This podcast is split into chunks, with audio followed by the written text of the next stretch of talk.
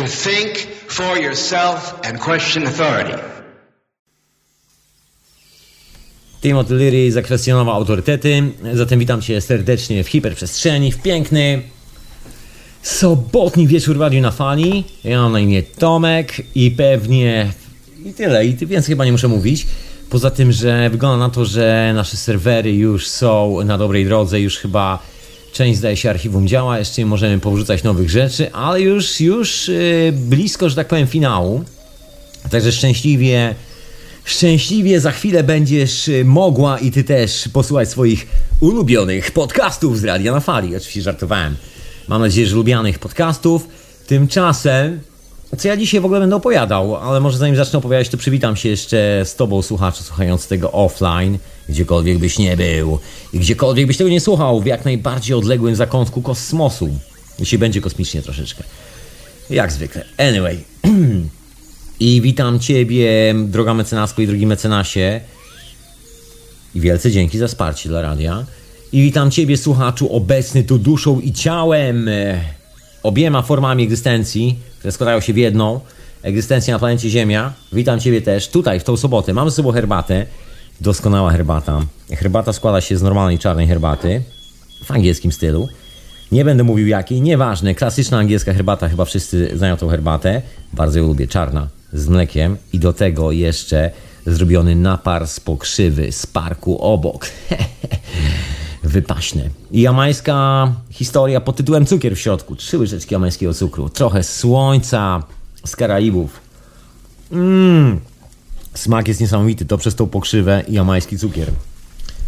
Anyway, zostawiając te zdobycze kulinarne cywilizacji, która właśnie odchodzi w niepamięć, Dzisiaj troszeczkę właśnie pokontynuuję wątek, bo dzieje się troszeczkę na świecie. Chodzi o wszystkie te katastroficzne rzeczy i tak dalej. I troszkę ponurtuję temat, bo oczywiście zapowiadałem temat wody.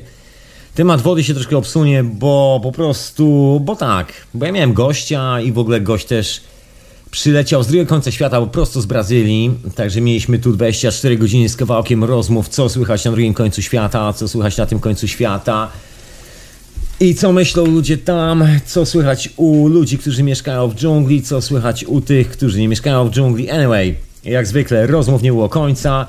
No i też troszkę ten wątek, który dzisiaj się tu pojawi, też e, oczywiście był w rozmowie, jak żeby nie było. Wszyscy wiemy, co nadchodzi. Wszyscy czujemy to podskórnie, nawet Indianie w dżungli, o czym też, o czym też, nie wiem, czy dzisiaj będę mówił, ale tam też dochodzą takie słuchy, że świat się zmienia. I to mocno się zmienia Tymczasem Tymczasem, tymczasem w ogóle powinien chyba zacząć od jakiejś muzyczki. No jak zwyczajnie, relaksacyjnie, od czegoś relaksacyjnego. Ja to jak zwykle mam lekką zamotę z tym wszystkim dzisiaj, bo jestem po, po odwiedzinach gościa.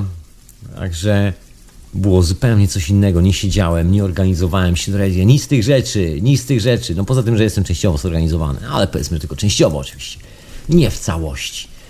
Ale spokojnie, mam tu już muzykę pod ręką, także szczęśliwie jesteśmy w domu muzycznym, we właściwym dysku. I zanim zacznę tą opowieść o tych wszystkich historiach, które się teraz tak ładnie zbiegają, to po prostu włączę ową muzykę. Co jeszcze chciałem powiedzieć na początek jakieś ogłoszenia? Nie no, żadnych ogłoszeń, to wszystko jak na razie. Anyway, zatem zapraszam na kawałek dźwięku, a później. A właśnie, to miałem powiedzieć, że oczywiście Skype do radia, bo to jest na żywca, radionafali.com, jestem też na czacie radia. Jak chcesz wejść, to przez stronę radionafali.com i to, że hiperprzestrzeń jest retransmitowana przez Radio Paranormalium oraz Radio Dreamtime. Ważne rzeczy, a jak zwykle zapomniałem powiedzieć, ale powiedziałem. To już wszystko się wyjaśniło. Zatem przejdźmy do właściwego tematu. A sobie tak powiem, kwili w tle, kwili i wydaje z siebie dźwięki jak to las. No właśnie. No to może zacznę od tej historii, która wypłynęła ostatnio z Ameryki. Taki świeży news troszeczkę, nie wiem czy dotarł do twoich uszu i twoich oczu. Mianowicie odbyło się spotkanie gentlemana, który się nazywa Obama z, z kolesiami, którzy się nazywają FEMA, czy jakoś tak. To są te obozy zorganizowane w Ameryce. Jakie dziwne konstrukcje, wyglądają jak obozy koncentracyjne, gotowe na przyjęcie więźniów. Coś w tym stylu. Bardzo taka więzienna historia. Wszyscy mocno przerażeni tymi obozami FEMA, jakieś stany wojenne i tak dalej, i tak dalej. A myślę, że po prostu wyobraźnia części ludzi się zwyczajnie skończyła. Właśnie bo dzisiaj tak troszkę wyobraźni, o tej katastrofie, o tych kosmicznych historiach i może zacznę od takiego, że tak powiem, permanentnego hasła na dzisiaj, że po prostu są rzeczy, które się nam w głowach nie śniły i się bardzo wielu ludziom nie śniło do tej pory. I do tej pory, jeżeli chcieliśmy coś wyjaśnić, jakąś historię, to szukaliśmy takich wyjaśnień, że tak powiem, no, co tu dużo mówić. Miało, ma taki charakter, że właściwie no, nie potrafimy przeskoczyć pewnych ograniczeń wynikających z tego, że żyjemy tu, gdzie żyjemy, nie myślimy gdzie, o tym, e, co nam podano do myślenia, bo jesteśmy produktem e, takiego systemu edukacji, takiej kultury itd., tak itd. Tak no i produkt takiej kultury pisuje książki pod tytułem Rok 1984. Doskonała książka, jeżeli ktoś jeszcze nie czytał, nie czytałaś, a ty też? No to ja nie wiem, co ty jeszcze tutaj robisz. Wróć do tej audycji dopiero wtedy, jak przeczytasz tą książkę. Tak właśnie mówię. Wyłączamy teraz radio i idziemy do biblioteki. Dobrze żartowałem. Anyway, jest taka, że tak powiem, wiekopomna książka, bardzo istotna część pozycji literatury, a w ogóle może nie tyle literatury, ile percepcji rzeczywistości, jakbym to nazwał. Chociaż z percepcją rzeczywistości jest jeszcze książka Alexa Huxleya, Drzwi percepcji. Też zresztą legendarna. Ale mniejsza to, bo w ogóle tak zaczynam od legendarnych książek, no ale nie przez przypadek, bo jest, to z, jest z tym związana wizja świata. Wizja świata związana z takimi ruchami, które się pojawiły jakieś 100 lat temu z kawałkiem. Zaczęło się od żydowsko-niemieckich rodzin bankierskich. Tak, tak, tak, tak. I od Watykanu, od wielu innych ludzi. Granie od tych, którzy trzymają władzę, trzymali władzę, mieli troszkę więcej pieniędzy niż inni i, i mieli wyjątkowy talent do znajdowania desperatów, którzy lubią pociągać za spust broni palnej naładowaną ostro, naładowanej ostrą amunicją w dowolnym zakątku świata za owe pieniądze. No i jakoś tak się wydarzyło, że o czym doskonale wiemy, że część z tych ludzi stała się bohaterami stulecia. Część z nas gdzieś tam poświadomie myśli, że chciał być Rockefellerem, który zaczął od bycia pucybutem, a został miliarderem. Nie, nie, Rockefeller nigdy nie zaczął od bycia pucybutem.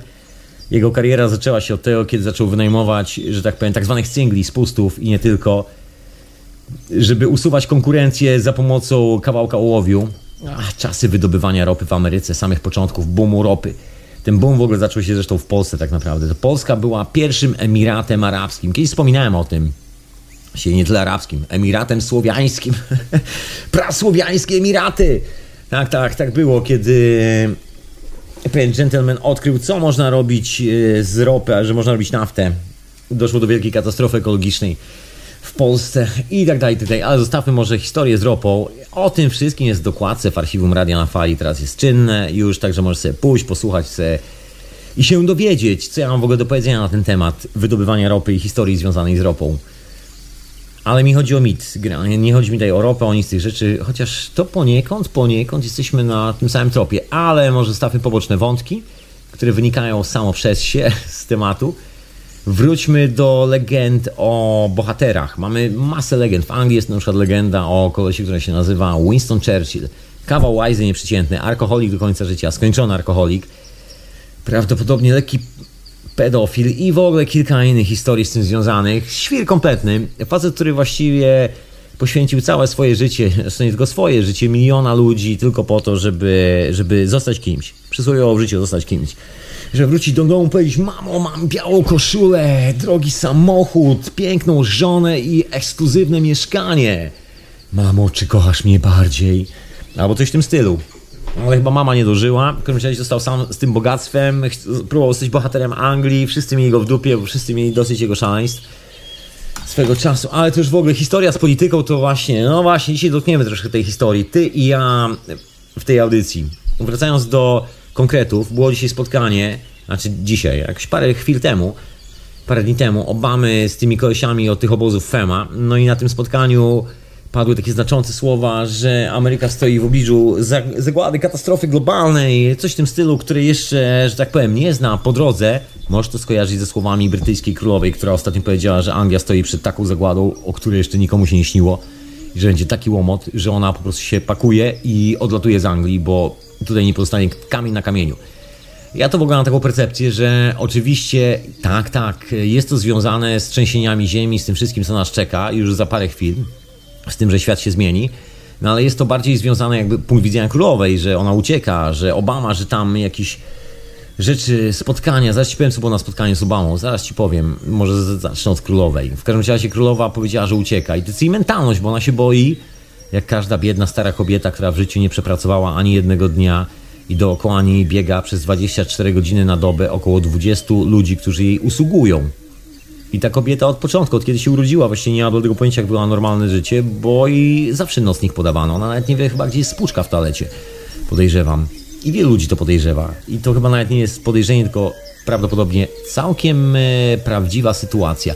W każdym razie ona jest tak przerażona, że ucieka z Anglii i to bardzo szybko chce uciekać z Anglii, kiedy coś się będzie działo, ponieważ taka jest moja spekulacja w tym momencie. Boi się, że kiedy coś się zatrzęsie, przecież żaden policjant w Anglii nie będzie ratował Dubska Królowej ani rodziny królewskiej. Przecież to było szaleństwo. Już sobie wyobrażam angielskiego policjanta, który spędza swoje życie, żeby ratować dubsko ludziom, których właściwie nienawidzi, tak w, w, skrytości ducha, ponieważ reprezentują kastę, kastę, do której on nigdy nie będzie należał. W Anglii akurat nie mówi się o tym głośno, ale to dalej jest kraj kastowy, stąd takie, że tak powiem, nie wiem czy nazwać to reminiscencjami, są poniekąd takie reminiscencje czasów kolonialnych. Taka, że tak powiem, sentymentalna, emocjonalna więź z Indiami, ale nie z Indiami w sensie egzotyki i oryginalnych rzeczy, w sensie medytacji, jogi albo coś w tym stylu, tylko systemem kastowym, ponieważ Anglicy, w sensie nie Anglicy jako cała nacja, tylko po prostu kraj Anglia został spacyfikowany swego czasu systemem kastowym i do tej pory się nie podniósł. Jakoś tak z tego nie może się wygrzebać. W każdym razie efekt jest taki, że część ludzi musi pracować na ten system kastowy, ponieważ on żywi, ubiera, karmi albo coś tym, coś ten deseń. Generalnie część z mieszkańców tego kraju wyobraziła sobie, że ten system coś dla nich robi i swoją energią podtrzymują ten system. W rzeczywistości ten system właściwie służy tylko i wyłącznie turystom. Przyjeżdżają oni do Londynu po to, żeby sobie zrobić zdjęcie na tle zamku z królową. Oczywiście nie wiadomo, czy ona tam jest, czy jej nie ma, to już zupełnie inna historia, ale ale, ale jest, jest zawsze pamiątka z królową, są sklepy pamiątkarskie. W tych sklepach pamiątkarskich można oczywiście sobie kupić e, różne pamiątki z królową, oczywiście jak najbardziej, rodziną królewską. Wszystko jest oczywiście licencjonowane, bo każdy z tych produktów musi mieć coś takiego jak taki specjalny certyfikat rodziny królewskiej, który jest przyznawany najbardziej elitarnym produktom i tylko produkty, które mają certyfikat rodziny królewskiej mogą znajdować się w królewskich Włościach, na królewskim stole, tudzież gdziekolwiek indziej. Jest troszkę taki hop tutaj wśród kilku producentów, ponieważ zawsze liczą na to, że znajdą doskonały biznes na całe życie.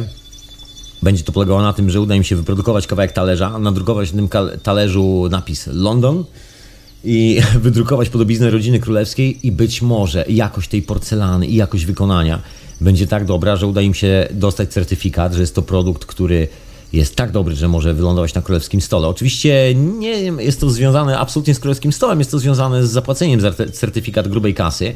Go się zwyczajnie kupuje na jakiś czas i trzeba go co jakiś czas odnawiać. To nie jest tak, że, że on jest cały czas, że się zrobiło jeden dobry produkt i on już zostaje z nami do końca życia. Ani z tych rzeczy. W każdym razie wszyscy się biją, no prawie wszyscy się biją o tą licencję, ponieważ z tą licencją ten sam talerz kosztuje x razy więcej. I właściwie jest to jedyny biznes, jaki jest związany i właściwie jedyny ponoć oficjalnie pożytek, który jest związany z rodziną królewską aktualnie w Anglii. Właściwie poza tym, że są rodziną, która żyje od pokoleń na tak zwanych zasiłku. No nie tak zwanym, tylko na konkretnym zasiłku, bo ich zasiłek to jest, to jest kilka niezłych posiadłości. Właściwie są jednymi z największych właścicieli ziemskich w Europie. Jak wchodziły przepisy Unii Europejskiej o dotacjach dla rolników, rodzina królewska była jednym z najbardziej rozochoconych towarzystw w tym momencie, takich rodzinnych, bo oni jako rodzina są właścicielami praktycznie takich połaci ziemi, że chyba w Europie nikt nie jest w stanie ich pobić. Mają największą ilość. Ponoć. Nie nie liczyłem ile mają akrów, ile mają hektarów, nie chce mi się, ale wszystkie dane, które czytałem na ten temat mówią jasno i wyraźnie, że ci mają najwięcej. I numer jest taki, że są fajne trawniki, fajne lasy, wszystko jest oczywiście terenem rolniczym jak najbardziej jest dbane, hodowane i tak dalej, i tak dalej. No generalnie nie mam problemu z jakimkolwiek papierkiem potwierdzającym cokolwiek sobie tam e, król i królowa nie wymyśli na temat co się dzieje z tą ziemią i jaka ona jest, bo przecież każdy w Anglii przybije pieczątkę, jak król wyciągnie papier i powie przybij mi tu synu pieczątkę. Dam ci tytuł szlachecki. Oczywiście, już przybijam. Od dzisiaj jesteś ser. Dzięki za pieczątkę, nara. Dzięki temu mamy ekstra dopłaty do swoich pól. I tak oto rodzina królewska stała się właścicielem gigantycznej fortuny, która znajduje się, wędruje do ich kieszeni bezpośrednio w postaci dopłat do tych całych potężnych pól w całej Anglii. Nie tylko w Anglii, bo są nieruchomości w całej Europie. Ale też zostawmy tak zwane abroad, czyli, wie, yy, czyli włości poza wyspą. No i ta królowa jest przerażona, bo w jej świecie wszystko jest skoncentrowane dookoła niej. Taki system heliocentryczny. Niczym za czasów Kopernika. Ona jest słońcem imperium, nad którym ponoć nigdy nie zachodziło słońce. I boi się, że jak wyłączą prąd, to wszyscy ci głodni ludzie, którzy śpią na ulicy, wszyscy ci skłotersi, którzy zawsze się wbijali do banków w Londynie, do opuszczonych posiadłości, które stoją puste i nie wiadomo co z nimi zrobić, bo właściciel trzyma je tylko po to, żeby zarobić na spekulacji cenami gruntu, a ludzie dookoła nie mają gdzie mieszkać, także wbili się skutersi. No i jest obawa, że przecież kurde, jak skutersi odkryją, że nie ma, że, że nie ma polity, policji, że stało się coś takiego, że policjant zadzwonił do swojego szefa i powiedział, wiesz co, rzucam tą robotę, bo moja rodzina potrzebuje mnie w tym momencie bardziej i właściwie i tak mi nie zapłacisz, bo banki nie działają, bankomaty nie działają, właśnie skończyła się nasza cywilizacja, runęły wszystkie emerytury, to po co ja będę brał pistolet i strzelał do swoich sąsiadów? To jakby spadaj koleś, od dzisiaj nie jesteśmy kumplami, nara. Byłem policjantem? Potraktuj to w czasie przeszłym. Byłem. Nara. I taki policjant nie przyjdzie chronić królowej i jej pałacu. I może skutersi wejdą do tego pałacu i jeszcze zrobią jakieś graffiti na tych ścianach. Jeszcze zrobią krzywdę królowej. Z królową jest tak, że jak odpaliła konto na Twitterze, to pierwsza, e, pierwsza, pierwsza wiadomość, którą, e, pierwszą wiadomość, którą dostała od e, pierwszego followersa było fuck off, czyli mówiąc po polsku i tłumacząc bezpośrednio spierdalaj. To był pierwszy message do królowej. BBC było bardzo skonfundowane, była taka wielka akcja, że były kamery. Królowa stała przy specjalnym podejście, gdzie ktoś podał jej telefon e, z dotykowym screenem firmy Apple, żeby mogła nacisnąć na guzik w otoczeniu 20 służących, którzy jakby co rzucą się od razu na pomoc, żeby robić rescue action i tam za królową wpisać cały tekst. Podeszła do cokołu i oficjalnie królowa wypuściła pierwszego tweeta. I oficjalna odpowiedź na pierwszego tweeta królowej była spierdalaj. Podoba mi się to. Doskonałe podejście do sprawy. To się nazywa brytyjskie poczucie humoru swoją drogą. Jeżeli ktoś oglądał Monty Pythona albo Fast Show, to myślę, że doskonale sobie zdaje z tego sprawę, że brytyjskie humoru, poczucie jest stosunkowo, że tak powiem, cięte. Chociaż moim zdaniem irlandzkie poczucie humoru jest zdecydowanie lepsze. Ale wracając do obawy i do królowej, która będzie uciekała z Anglii, bo nikt nie będzie w stanie obronić tej starej, biednej kobiety w tym wielkim zamku. Służący się rozejdą, nikt nie poda nocnika, nikt nie poda śniadania, nikt nie posprząta, nikt nie pozamiata, nie będzie kim rządzić. Dramat. Także królowa wsiada w samolot i leci gdzieś, gdzie będą jej słuchali. Albo przynajmniej takie się wydaje. W każdym razie na pewno nie zostaje w Anglii. Anyway, Obama w tym, w tym samym czasie spotyka się z kolesiami od tak zwanego FEMA w tak zwanym National Response Coordination Center, czyli Narodowym Centrum Koordynacji do sztabu kryzysowego, działań sztabu kryzysowego, tak można to przetłumaczyć na język polski. Są oczywiście oficjalne, to w ogóle pochodzi z oficjalnej strony Białego Domu, ze strony www Białego Domu, nie podam ci adresu, bo w tym momencie nie pamiętam. Pewnie whitehouse.whitehouse albo whatever. Wpisz Adolf Hitler, trafisz w to samo miejsce. I don't know, ja tam nie widzę różnic. Anyway, jest taki ciekawy kawałek tekstu, który wyciekł z tego spotkania i cytując po angielsku, właściwie spróbuję to przetłumaczyć na polski. Tak szybko w locie. Nie wiem, czy mi się uda, ale będę się starał. Trzymaj za mnie kciuki. I ty dziewczyno, i ty chłopaku. One of the things that we have learned over the courses of the last seven and a half years. Ok, czyli jedna z tych rzeczy, które się nauczyliśmy przez ostatni czas, ostatnich siedmiu lat i pół roku, to jest to, że rząd odgrywa vital role, czyli istotną rolę, ale, ale też każdy obywatel y, posiada tą odpowiedzialność y, w sobie, jakby też posiada odpowiedzialność za to wszystko. Też musi być przype... przypo... Okej, okay, już wiem, bo to jak zwykle logika angielskiego a polskiego jest troszkę inna, że przez ostatnie 7,5 roku government, rząd e, odegrał bardzo poważną rolę, ale, ale nie wszyscy obywatele odpowiedzieli odpowiednim przygotowaniem się do katastrofy. Dokładnie tak to jest napisane. But, is, uh, but it is every citizen responsibly to be prepared for a disaster. Czyli mowa jest o katastrofie. I dalej tekst idzie, and talking, i to, to znaczy, że trzeba wziąć e, takie szybkie kroki, przeciwdziałać, e, czyli stworzyć plan ewakuacji i having a fully stocked disaster supply i oczywiście pełnego jakby zaopatrzenia w tak zwane e, disaster supply kit. Przetłumaczenie na polski to będzie, czyli takie kryzysowe racje do przetrwania, taki pakunek, który pozwoli ci przetrwać. If your local authorities ask you to evacuate, you have to do it, don't wait. Czyli jeżeli lokalne authorities, czyli lokalna władza spyta się cię, zapyta się ciebie, czy się już ewakuujesz, to powinieneś to natychmiast zrobić, nie powinieneś czekać. Tak mniej więcej powiedział Barack Obama i tam są jeszcze inne kwiatki pod tytułem um, We'll seeing some public e, właśnie, że, że widzą, że tak powiem, pewną niezdarność społeczeństwa, pewne ospanie i duża grupa ludzi nie ma żadnych takich, nie wiem, podstawowych, jak to nazywają, prepare, preparedness kits, czyli, czyli tych zestawów takich do przetrwania. Jeżeli, jeżeli coś się stanie, to takie elementarne zestawy, żeby przetrwać, przetrwać przez parę dni się okazuje, że oni po prostu nie mają planów ewakuacyjnych. To jest kolejne zdanie. Not having evacuation plans. So, znaczy, znaczy, znaczy się po angielsku so. Także nie będę tłumaczył dalej, bo tego to właśnie niewiele zmienia. Główny wątek już mamy. Mianowicie chodzi o to, że jak widać, oficjalnie w Stanach Zjednoczonych, już tak nawet oficjalnie głośno, rozmawia się o planach ewakuacji, o wielkiej katastrofie, o takich pakunkach, które pozwolą obywatelom sobie przetrwać, kiedy coś się stanie. No i się dzieje, się dzieje. No nie jest to przypadkowe wydarzenie i bynajmniej nie chodzi o coś, co moim zdaniem było głównym jakby konikiem uwagi, bo wszyscy wyczekiwali jakiejś katastrofy w sensie stanu wojennego, że będzie wojna domowa i tak dalej. To jest umysł człowieka, który ma troszkę choroby psychicznej w sobie. On zawsze szuka wojny, zawsze szuka katastrofy, zawsze generalnie będzie partycypował w czymś, co jest, co jest po prostu wielkim zniszczeniem i nigdy nie przyjdzie mu do głowy, że jest coś poza jego agresją, że jest coś więcej, że nie wszyscy trzymają, że tak powiem, ręce w majtkach i wiecznie tam tymi palcami grzebią, że niektórzy, że tak powiem, wyskakują troszeczkę ponad. I to nie jest związane ani z intelektem, ani z mądrością, ani, ani z żadnymi specjalnymi cechami, z którymi się trzeba urodzić, tylko jest związane z dostępem do informacji do informacji, do której przeciętny obywatel dostępu nie ma. Nie mamy dostępu do informacji z takich strategicznych wojskowych satelitów geostacjonarnych, które robią nie wiadomo co. Wiemy, że mają taki sprzęt laboratoryjny na pokładzie, w sensie robienia różnych odczytów, sprawdzania tego, co jest pod ziemią, na ziemi i w wielu innych miejscach. To głowa mała.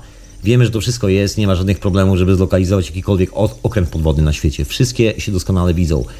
Wiemy, że przynajmniej tu w Anglii można zlokalizować ptaszka, który ma, i wcale nie żartuje, około 3 do 4 cm wielkości.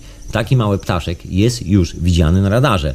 I ten ptaszek nie ma żadnej metalowej obrączki, on ma tylko kostki, kawałek mięśni, piórek i krwi, nic więcej. I on jest widoczny na radarze RAF-u. Taki sprzęt tutaj mają. To co dopiero już taki bardziej zaawansowany. No więc mają zaawansowane dane, bo taki jest wniosek. Mają coś, czego my nie mamy, czyli mają troszkę więcej informacji. I ci ludzie, którzy posiadają więcej informacji, właściwie Wygląda na to, odgrywają troszeczkę taką rolę przed nami, strasząc nas wielką katastrofą globalną, y, terrorystami, wszystkimi tymi rzeczami, a tak naprawdę po cichu robią coś zupełnie innego. Po cichu przygotowują się na coś, co nieubłaganie nadchodzi. To coś, co nieubłaganie nadchodzi, to jest wielka zmiana na świecie. A newsy są takie dosyć, że tak powiem, ciekawe, bo taki news prosto z Yellowstone na temat superwulkanu, który się tam znajduje, który był ostatni raz aktywny 640 tysięcy lat temu. Taki superwulkan i ostatni raz taka normalna aktywność tego wulkanu była jakaś 200 lat temu i właściwie od 200 lat, mam tu artykuł przed oczami, była tak zwana wulkaniczna zima. I nic się nie działo. Absolutnie nic. No i nagle ten wielki wulkan, prawulkan Yellowstone odżył. I to nie jest jeden z tych wielkich wulkanów, który aktualnie odżył. Odżyło ich parę. To nie będę nikogo straszył, ale się dzieje, się naprawdę dzieje dosyć konkretnie.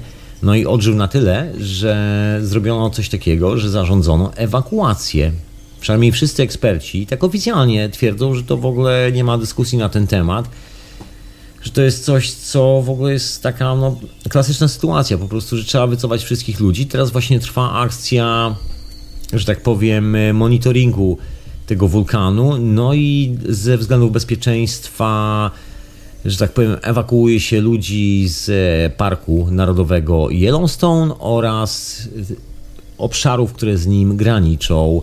W przypadku, no, żeby, żeby zapobiec potencjalnym jakimś niebezpieczeństwom, tak? The prevent any potential casualties. Czy jakoś tak. Ja tu nie będę więcej tłumaczył z angielskiego, zostawisz ten angielski. W każdym razie chodzi, chodzi mi o ten główny wątek, główny wątek katastrofy.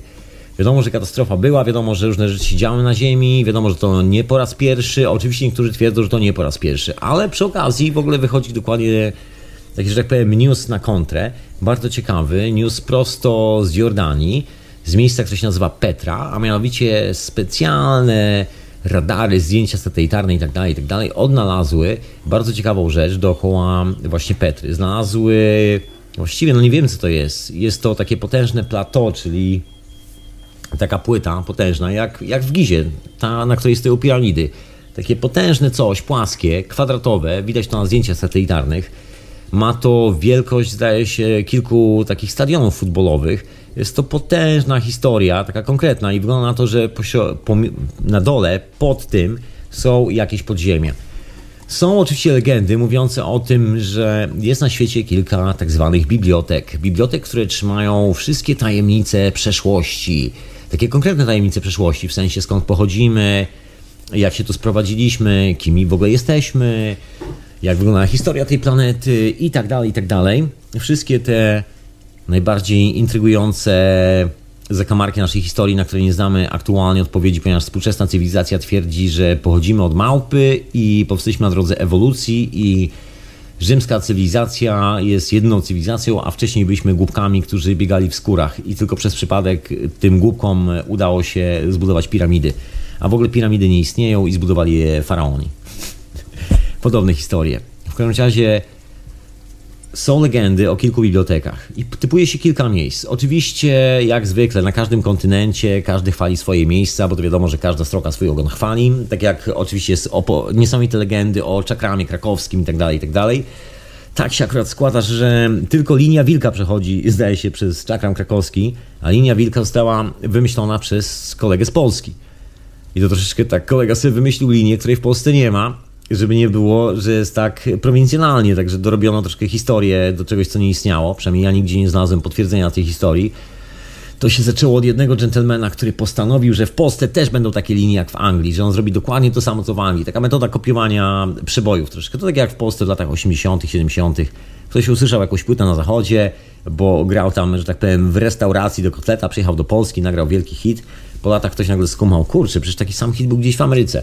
No i tak podobnie od słowa do słowa generalnie powstały linie Wilka w Polsce i inne takie rzeczy, ale oprócz tych linii Wilka w Polsce jest kawałek wiedzy na temat właśnie tych linii gomancyjnych.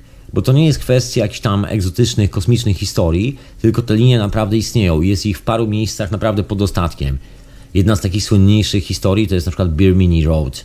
Birmini Road na Bahamas. To jest taka droga, która zapadła się pod wodę jakieś około 12 tysięcy lat temu. Potężny taki, I don't know, trakt można powiedzieć, bo to nawet nie jest droga, to może to chyba bardziej sześciopasmowa autostrada, która jest wybudowana z gigantycznych granitowych, jakichś tam konkretnych skał, która się po prostu zapadła w morze. No i znaleziono ślady właśnie takich potężnych budynków, które znajdują się prawdopodobnie, jakichś podziemi, no nie wiadomo czego. No, generalnie jest to potężne, duże, jest to massive man-made stone platform, schowana pod powierzchnią piasku.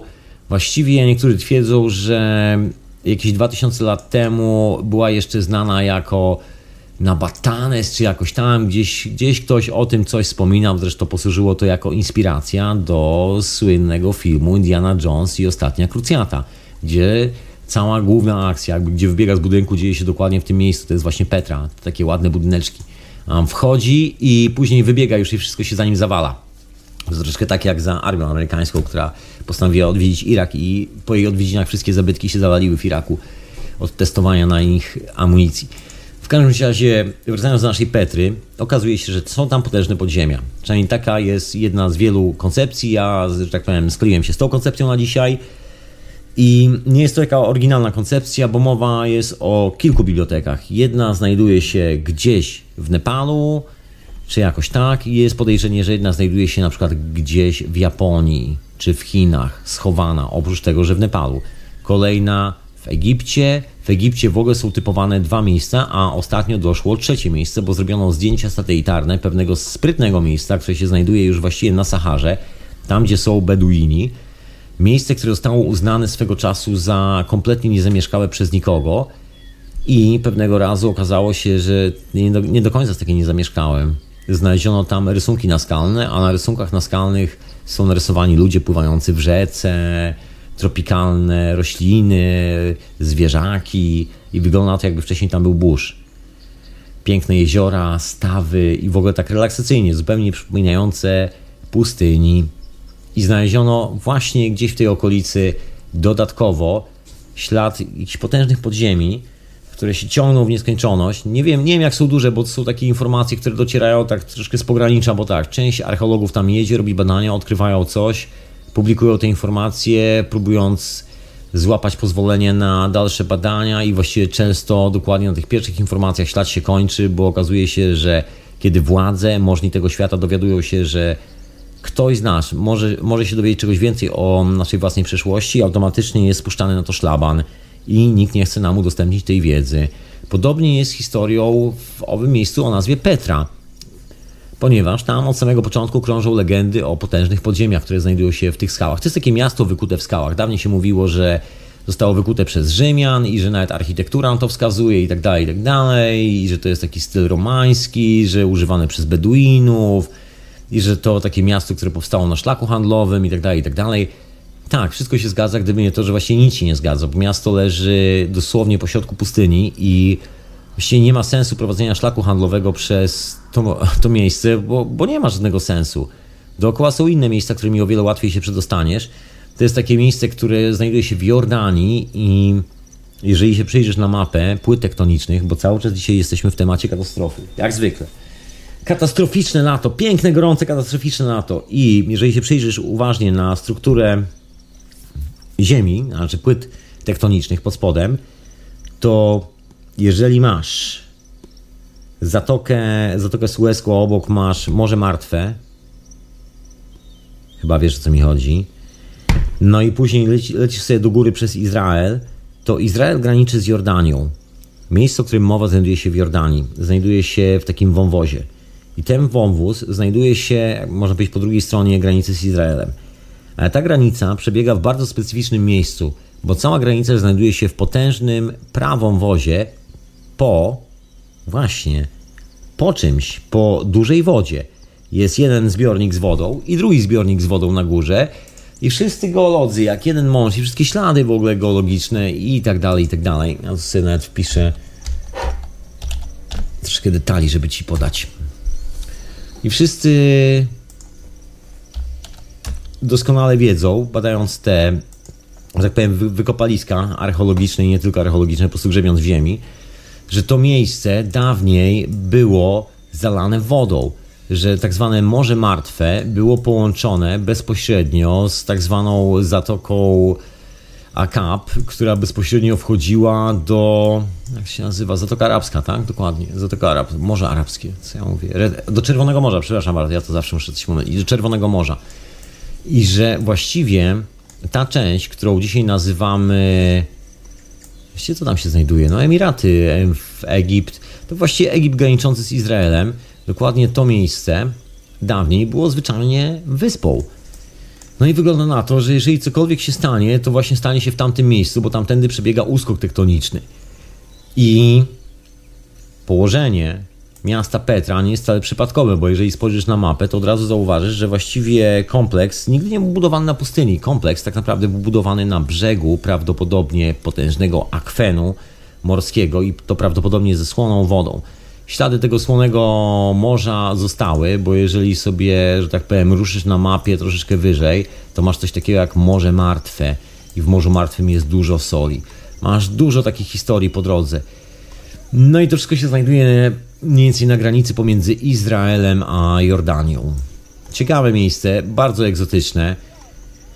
Zabytki nieprzeciętne i właściwie nikt nie chce sprawdzić, co to jest. Oficjalna fama, tak jak wspomniałem, mówi o tym, że to właściwie taki okres aleksandryjski, jakiś gdzieś, gdzieś ten deseń, że to granie Rzymianie za, za to odpowiadali.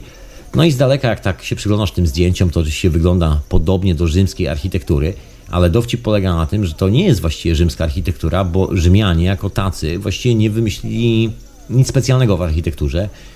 Wiem, że teraz niektórzy pewnie powieszą na mnie kilka psów. Ty, zostaw to zwierzę, idź się powieś sam, panie architekt. Ale prawda jest taka, że właściwie cała rzymska architektura była niczym innym, jak właściwie cała ich kultura była nieudanym zapożyczeniem wszystkich możliwych elementów zewsząd. Słynna historia z budowaniem jednego z koloseum w Rzymie, ku czci jednego z cesarzy, zapomniałem chyba już, zapomniałem nazwiska którego, w każdym razie jeden z kolesi, który przybył do Egiptu i stwierdził, że strasznie mu się podobają te duże cokoły i że on sobie przywiezie do Rzymu dwa takie cokoły. Bo po prostu tak mu się chce. No i te cokoły trafiły do Rzymu, a on jeszcze wpadł na pomysł, że wmuruje w bazylikę, jakby jakiś tam swój budynek i tak dalej, i tak dalej, jeden z tych cokołów. No i oficjalnie, przynajmniej takie jest y, oficjalne podejście, które później legło w gruzach, jest takie, że pierw wybudowano budynek, ale źle oszacowano wielkość kolumny. Okazało się, że kolumna jest za wysoka czy za niska i ona stoi taka troszeczkę niedopasowana, bo się wymiary nie zgadzały. W rzeczywistości było troszeczkę inaczej, bo i budynek wcześniej sobie stał, i kolumna została zrobiona wcześniej, a nie na zamówienie cesarza, bo oczywiście w opowieści rzymskiej jest tak, że to na zamówienie cesarza Rzymu ta kolumna została przygotowana na ten rozmiar, ale nie została przygotowana na ten rozmiar. Wszystkie budynki już stały wcześniej. On po prostu buchnął sobie coś, przywiózł, powiedział: Specjalnie dla mnie zrobili, specjalnie dla mnie.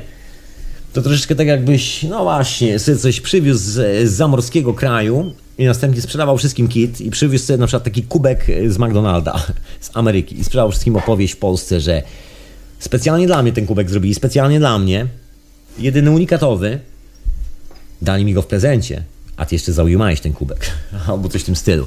W każdym razie podobnie wygląda tutaj z architekturą. Okazuje się, że budynki w Petrze właściwie reprezentują ten pierwotny styl architektoniczny, który jest jeszcze spotykany w Aleksandrii, w Egipcie, w kilku innych miejscach. Ten y, styl architektoniczny ma kilka bardzo ciekawych elementów, kilka tak budzących, że tak powiem, y, dużo pytań elementów, że się w głowie nie mieści. Pierwszy element to są oczywiście te najstarsze, można powiedzieć prawie, że neolityczne elementy, czyli różne paterny na budynkach, wzorki, które wyglądają dokładnie tak samo jak wzorki, które znajdują się w Ameryce Południowej.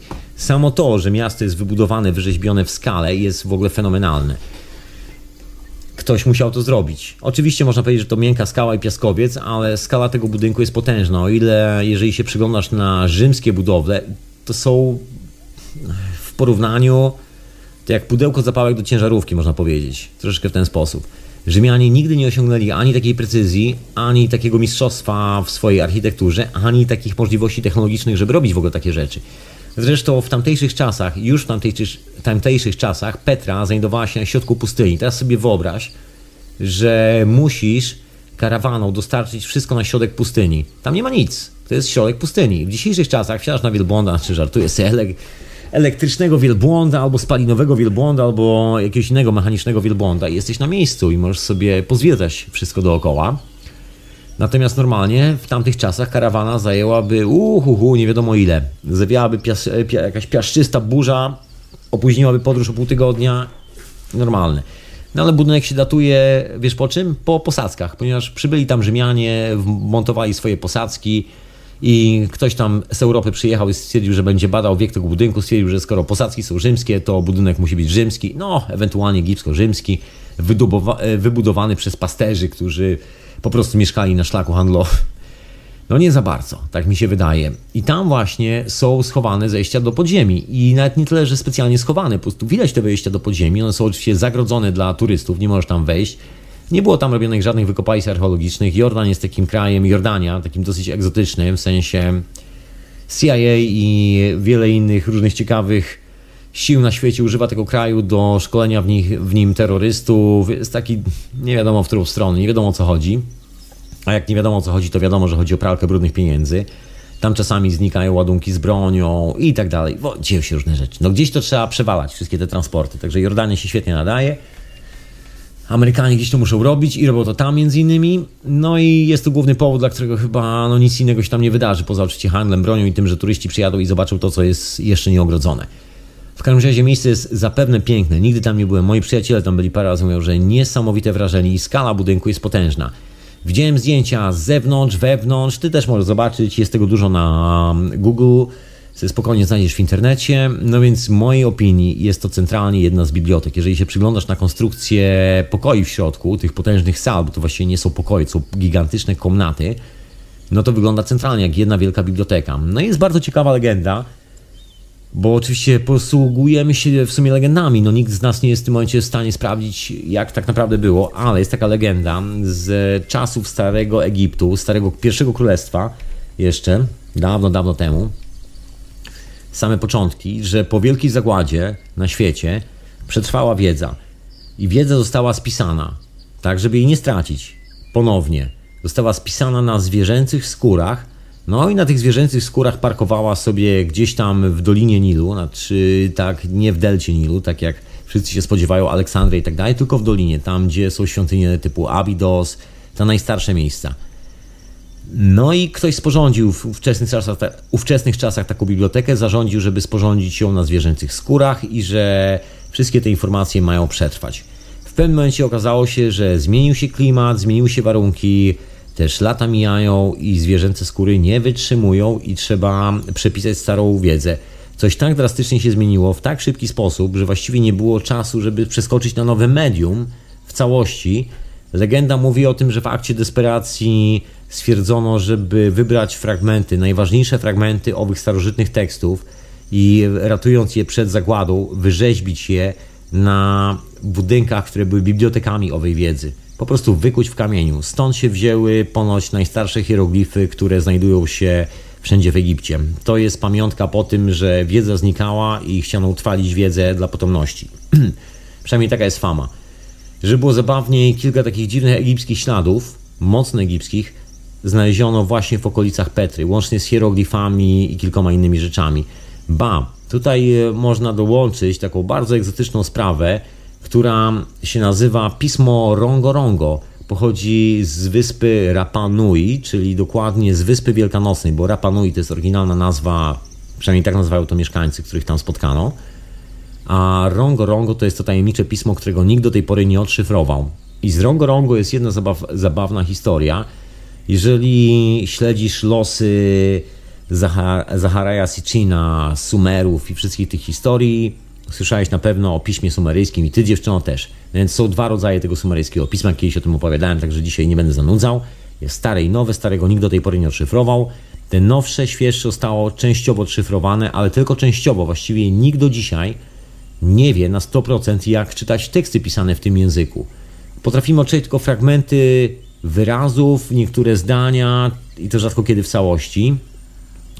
I stąd się biorą te kontrowersje, między innymi z tłumaczenia Zacharaja Sitchina, że niektórzy, ich, e, że niektórzy z badaczy uznają te tłumaczenia, a niektórzy twierdzą, że to jest centralnie bullshit, który nie jest nic wart i że Zachariah Sitchin sobie po prostu powymyślał wszystkich tych reptylian, planety itd., tak itd. Tak Myślę, że może być tak, że nikt tutaj nie ma racji, albo wszyscy mają rację, albo te dwie rzeczy naraz. Już ci tłumaczę o co chodzi. No więc Zachariah Sitchin mógł mieć rację i mógł przetłumaczyć w miarę poprawnie tekst, ale tak samo jak brytyjska królowa, jak wielu innych ludzi, tak samo jak ty i ja jesteśmy częściowo skażeni myśleniem o naszej cywilizacji, w której dorastaliśmy i pewne konteksty zawsze będą dla nas brzmiały, na przykład, nie wiem, bomba atomowa. I będziemy szukali tej bomby atomowej. Będziemy żyli w świecie, w którym nikt nie zna bomby atomowej poza nami, a my będziemy szukali, szukali, szukali uniwersytetu, który nauczał bombach atomowych. A tam w ogóle czegoś takiego nie ma. I to jest coś, co my chcemy zobaczyć, a co niekoniecznie istnieje. I czasami jest tak, że cokolwiek byśmy nie robili, w pewnej rzeczy, jakby w pewnej części duplikujemy pewną wiedzę, podajemy dalej, a w pewnej części doklejamy jakby swój własny kontent do tego wszystkiego, czy emocjonalnie, czy jakoś tak. I, że tak powiem, cała ta wiedza wędruje już naszym kontentem dalej, już, już coś jest tam dodane, szczególnie w przypadku takich tłumaczeń, a już szczególnie w przypadku martwych języków od tysięcy lat, gdzie nikt tak naprawdę nie ma pojęcia, o co tu w tym wszystkim chodzi. No, zwracając do tego sumeryjskiego. i stary, i nowy sumeryjski. Przepraszam bardzo, ja sobie ścichacza popiję herbatę. Pokrzywa, rewelacyjna jest. Ja zaparzam pokrzywę. Sorry, że taki off topic, ale taki mój tips na pokrzywę, poważnie. Zapasz sobie pokrzywę i dopiero piją następnego dnia. Niech ona postoi 24 godziny i niech się parzy. A najlepiej jak jeszcze dasz tam łyżkę miodu albo takiego prawdziwego cukru z trzciny cukrowej, który wyciągnie dodatkowo z niej soki. Doskonała opcja. I następnego dnia, może stać w lodówce nawet, masz zimne, rewelacyjne napoje z, tego, z, z tej esencji, z, z pokrzywy. Jeszcze dodaję odrobinę mięty do pokrzywy, także w ogóle jest rewelacja.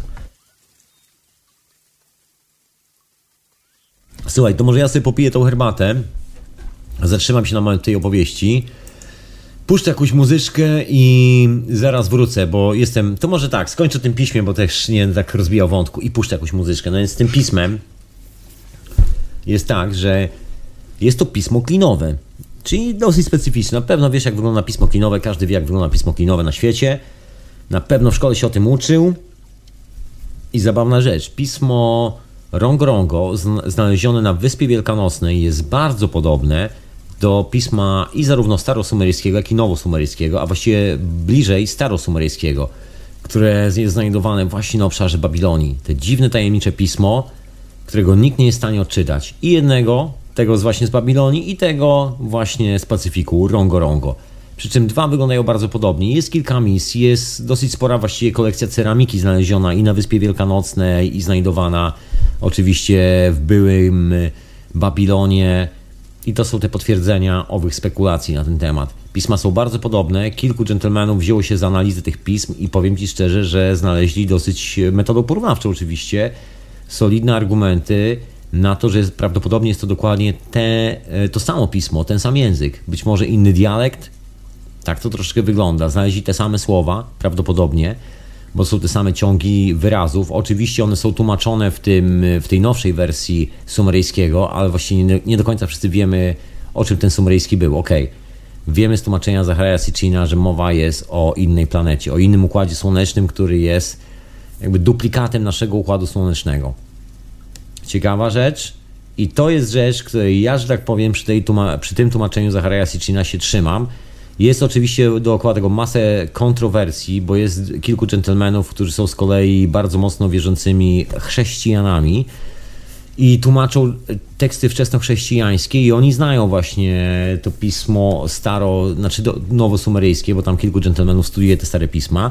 No jeden z nich się pokusił o tłumaczenie i nigdzie nie znalazł ani planety Nefelin, ani nic z tych rzeczy, ani tych wszystkich obcych i tak dalej ale znalazł bardzo podobne rzeczy, tylko że oczywiście on już się tłumaczy w zupełnie inny sposób. I teraz jest pytanie, któremu tłumaczeniu wierzyć, czy jednemu, czy drugiemu. Ja myślę, że ani jednemu, bo każdy z nich interpretuje to po swojemu. Ale mamy pe pewne punkty wspólne, mamy historię związaną z kosmologią. To, jak to jest interpretowane przez jednego czy drugiego, to już jakby pal licho. Zostawmy interpretację, przyjrzyjmy się na fakty, które mamy dookoła nas, bo interpretować sobie możemy wszystko ale podejrzewam, że jeżeli ktoś zadał sobie tyle trudu, żeby napisać tyle tekstu, to były ku temu jakieś powody. Jeżeli były ku temu jakieś powody, to one dalej są, bo są to historie jakby ponadczasowe, są to historie, które dotyczą cywilizacji w skali tysiącleci. To nie jest historyjka, którą się przekazuje do następnego pokolenia i możemy zapomnieć, tylko to jest coś, e, co jest związane z, z naszym jakby kompleksowym doświadczeniem życia na tej planecie. Nikt by sobie nie zdawał, moim zdaniem, trudu, żeby robić tylko i wyłącznie taką popisówę.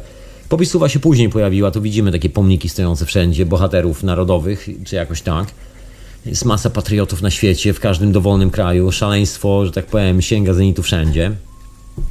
Nikt nie chce pomyśleć o sobie za bardzo w kategoriach istoty kosmicznej i potraktować wszystkie żywe formy życia jako też żywe i świadome istoty. Z tym jest największy problem. Najłatwiej jest zostać patriotą jak zwykle. Pomachać sobie jakąś kolorową szmatą nad głową i spuścić łomot obcemu, bo co on będzie, bo jestem najlepszy czy jakoś tak, taka atomizacja, atomizacja ludzi, konkretna. Efekt jest taki, że bardzo łatwo napuścić na siebie jedną grupę ludzi i drugą grupę na ludzi, ludzi i sprzedać im karabiny i oni będą wierzyli w to, że robią to dla dobra sprawy.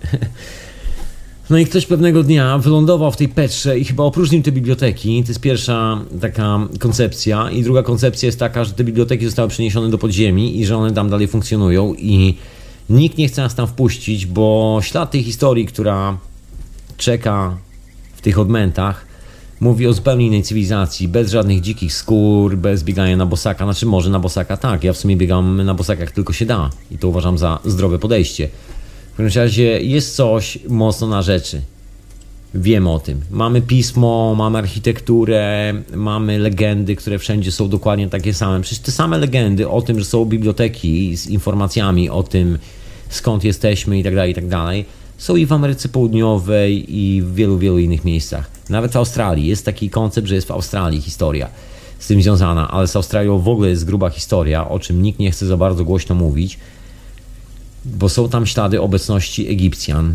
Jest, jest grobowiec jakiegoś egipskiego księcia, który został, i nawet hieroglify są wykute w skale, poważnie, z jednym e, z rezerwatów e, w Australii. I hieroglify po przetłumaczeniu mówią, że w takim wielkim skrócie jest to książę z Egiptu, który będąc tam w odwiedzinach został ukąszony przez węża i tam zmarł, znajduje się tam jego grób i jakoś tak, tam są jeszcze inne historie związane z jakimiś właśnie nie wiem, rodami z Egiptu. Długa historia, nie chcę tutaj wbijać, bo musiałbym w ogóle zboczyć gdzieś na osobne kierunki. W każdym razie wątek jest taki, że mamy do czynienia z taką kulturą i cywilizacją, która była wszędzie na świecie. Nie ma czegoś takiego jak narodowość. Jest tylko miejsce, gdzie się rodzisz, przychodzisz na świat, miejsce, które znasz oraz cały świat i cały kosmos, w którym możesz przybywać. E, niektórzy mieli prawdopodobnie szansę przybywać w tym kosmosie i przynieśli sobie stamtąd całkiem ciekawą wiedzę. I część tej wiedzy właśnie widzimy w tych starych budynkach, bo to wszystko, o czym non-stop tu trąbię, jest związane z innym ustawieniem Ziemi, ponieważ wszystkie te budynki, tak właśnie, piramidy, Wyspa Wielkanocna, kilka innych rzeczy dookoła, wytyczają taką specyficzną oś, bo nie przez przypadek wspomniałem o tej historii związanej z liniami Wilka. Osie energetyczne Ziemi, jak niektórzy to nazywają, nie do końca są to tylko i wyłącznie osie energetyczne Ziemi. Myślę, że jest to sprawa związana bardzo mocno z kosmologią. No niewielu ludzi chce jakby poruszać ten temat i badać od tej strony, bo on już wymaga takiego naukowego zaangażowania. Jakby tutaj naprawdę opowieści o różowych jednorożcach z tęczowymi skrzydłami, że tak powiem, się nie sprawdzają. Tak samo jak, no właśnie, no to, to generalnie wszystkie te historie właśnie z podznaku różowego jednorożca związane z płaską ziemią i tak dalej, to jakby troszkę się wymykają konkretnie nauce, bo nauka jest w stanie zaoferować troszkę więcej na ten temat, tylko że nic nie chce mówić głośno, bo troszkę jest to bardzo kontrowersyjne. Jest związane w ogóle z alchemiczną tak zwaną wiedzą i tu trzeba by pozmieniać dużo książek na uniwersytetach. Wiesz, wszystkie sprawy dookoła rewolucji w informacji, rewolucji w nauce. Dużo ludzi zainwestowało w to, co jest aktualnie, także ostatnią, ostatnią rzeczą, którą chcą zrobić w swoim życiu, to stracić wszystko to, w co zainwestowali całe swoje życie. Także na pewno tamta nowa wiedza nie przejdzie. W każdym razie ślady są i te ślady mówią jasno wyraźnie, że równik Ziemi był w innym miejscu. Ten taki grawitacyjny równik. Dzisiaj mamy równik przesunięty troszkę w inne miejsce. Wspominałem swego czasu, chyba tydzień temu, o trzęsieniu Ziemi w Nepalu, jak przesunęło całą Ziemię w czasie i przestrzeni, że ruch spinowy Ziemi przyspieszył. I to jedno trzęsienie Ziemi w Nepalu, jedno małe trzęsienie Ziemi. Jak na skalę planety to, to prawie nic, ale tak przyspieszyło ruch całej planety. No i tu się okazuje, że to nie jest trzęsienie Ziemi, tylko cały kosmos przyspieszył, że to jest oddziaływanie spoza tej planety. I tu właściwie można się cofnąć troszkę do tych legend związanych właśnie ze starożytnymi czasami. Ciekawe, ja tu wrócę, będę dzisiaj tak nawracał troszkę właśnie do Petry, bo to bardzo ciekawe miejsce. I są tam płaskorzeźby na tych wszystkich budyneczkach, które zostały wrzeźbione na środku pustyni.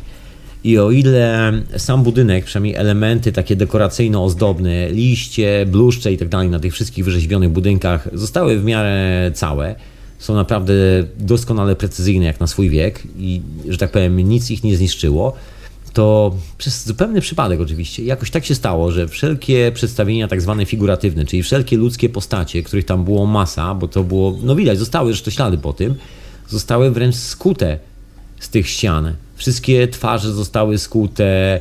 Widać tylko czasami, że mieliśmy do czynienia z postaciami, które rzeźbiono ze skrzydłami. I widać, że w tych wnękach stały jakieś posągi, bo zostały ślady po mocowaniach tych posągów. Wszystko to zostało pousuwane.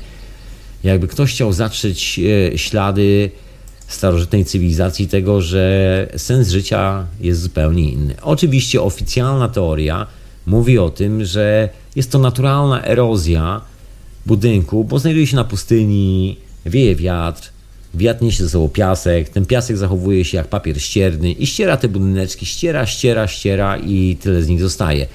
No ale fenomen polega na tym, że w jakiś sposób tylko drobne elementy elewacji się starły, a reszta pozostała nienaruszona. No i oczywiście, oczywiście nikt na to nie zwraca uwagi, bo jest oficjalna teoria i oczywiście zostajemy przy oficjalnej teorii, żeby nie było zbyt dużo kontrowersji dookoła tematu. Także wszyscy wybierają taką prostą opcję. Nic się nie wydarzyło strasznego, to jest młode i tak dalej, i tak dalej. Nikt nie, nie chce zobaczyć w tym e, tak naprawdę prawdziwego wieku tego budynku i tego, co się właściwie kryje za tym wiekiem, bo za tym wiekiem kryje się inna ekliptyka Ziemi. To jest właśnie związane z ruchem precesyjnym. Było coś takiego, co przepowiadali już starożytni Egipcjanie, przynajmniej oni posiadali informacje o ruchu precyzyjnym, precesyjnym Ziemi, o tym obrocie, że Ziemia się nie kręci wokół własnej osi tak pionowo, jak nie wiem, na jednym patyku, że tak powiem, tylko ten patyk sobie, sobie że tak powiem, wiruje dookoła. Proszę sobie znaleźć nazwę ruch precesyjny Ziemi na Google i sobie sprawdzić, tak to dokładnie wygląda jak ktoś ma problem z tym, czy Ziemia jest płaska, czy okrągła, to, to już w tym momencie się dowiesz, właśnie dlatego gwiazdy mu się zmieniają na, na, na niebie. I dlatego ta gwiazda polarna zmienia swoją pozycję. To wtedy zrozumie. To jeszcze pożyje parę lat, popatrzy w niebo przez 30 lat i zobaczy ten ruch na własne oczy. Ten ruch się oczywiście zmienia troszkę szybciej, bo to jest jeden kąt w, w skali, zdaje się, 70, zaraz Dokładnie, jeden, jeden stopień na 72 czy 73 lata, jakoś tak, to jest ten ruch precesyjny. Musiałem chyba dokładnie sprawdzić, bo coś mi moja pamięć zawodzi. No ale mniejsza o detale. Chyba każdy z nas wie, gdzie jest wujek Google, który nas szpieguje i można sobie samemu sprawdzić, to nie jest żadna tajemnica. Ja tu nawiążę do tego ruchu precesyjnego, bo tak wszyscy mówią o tym ruchu precesyjnym, mówią, a nie każdy wie, dlaczego to jest takie ważne i tak dalej. A ja wiem, dlaczego to jest takie ważne i dlaczego to jest takie rewolucyjne. Mówiłem tydzień temu, powtórzę jeszcze raz. Jest dlatego tak rewolucyjne i tak ważne, ponieważ zadaje kłam takiej teorii atomistycznej, że Ziemia, w ogóle i teorii Einsteina, że Ziemia jest tylko i wyłącznie ośrodkiem oddziaływań grawitacyjnych wewnątrz jakby układu słonecznego. Bo to, że jest coś jak ruch precyzyjny Ziemi, świadczy jasno i dobitnie o tym, że mamy w kosmosie brata bliźniaka, tak jak mówiłem tydzień temu, ten brat bliźniak się do nas zbliża i to jest główny powód, dla którego nasza oś precesyjna się przystawia całej Ziemi. Ding, ding, ding. Jesteśmy jak magnes. Jeden magnes się ustawia w idealnej pozycji do drugiego biegunami. I to ustawienie tych biegunów, jeżeli spojrzymy na mapę i sobie wbijemy, weźmiesz sobie globus i sobie na globus wbijesz szpilki, dokładnie w tych miejscach, w których znajdują się wszystkie te tajemnicze budynki, o których dzisiaj wspomniałem, i jeszcze kilka innych, bo kolejne miejsce znajduje się, gdzieś tu mam w książce Guadang Panan w Indonezji. O, po prostu tyle miejsc, Anyway, wszystkie one wskazują zwyczajnie inny biegun Ziemi, jakby równik się przesunął. Ziemia była wychylona troszkę pod innym kątem.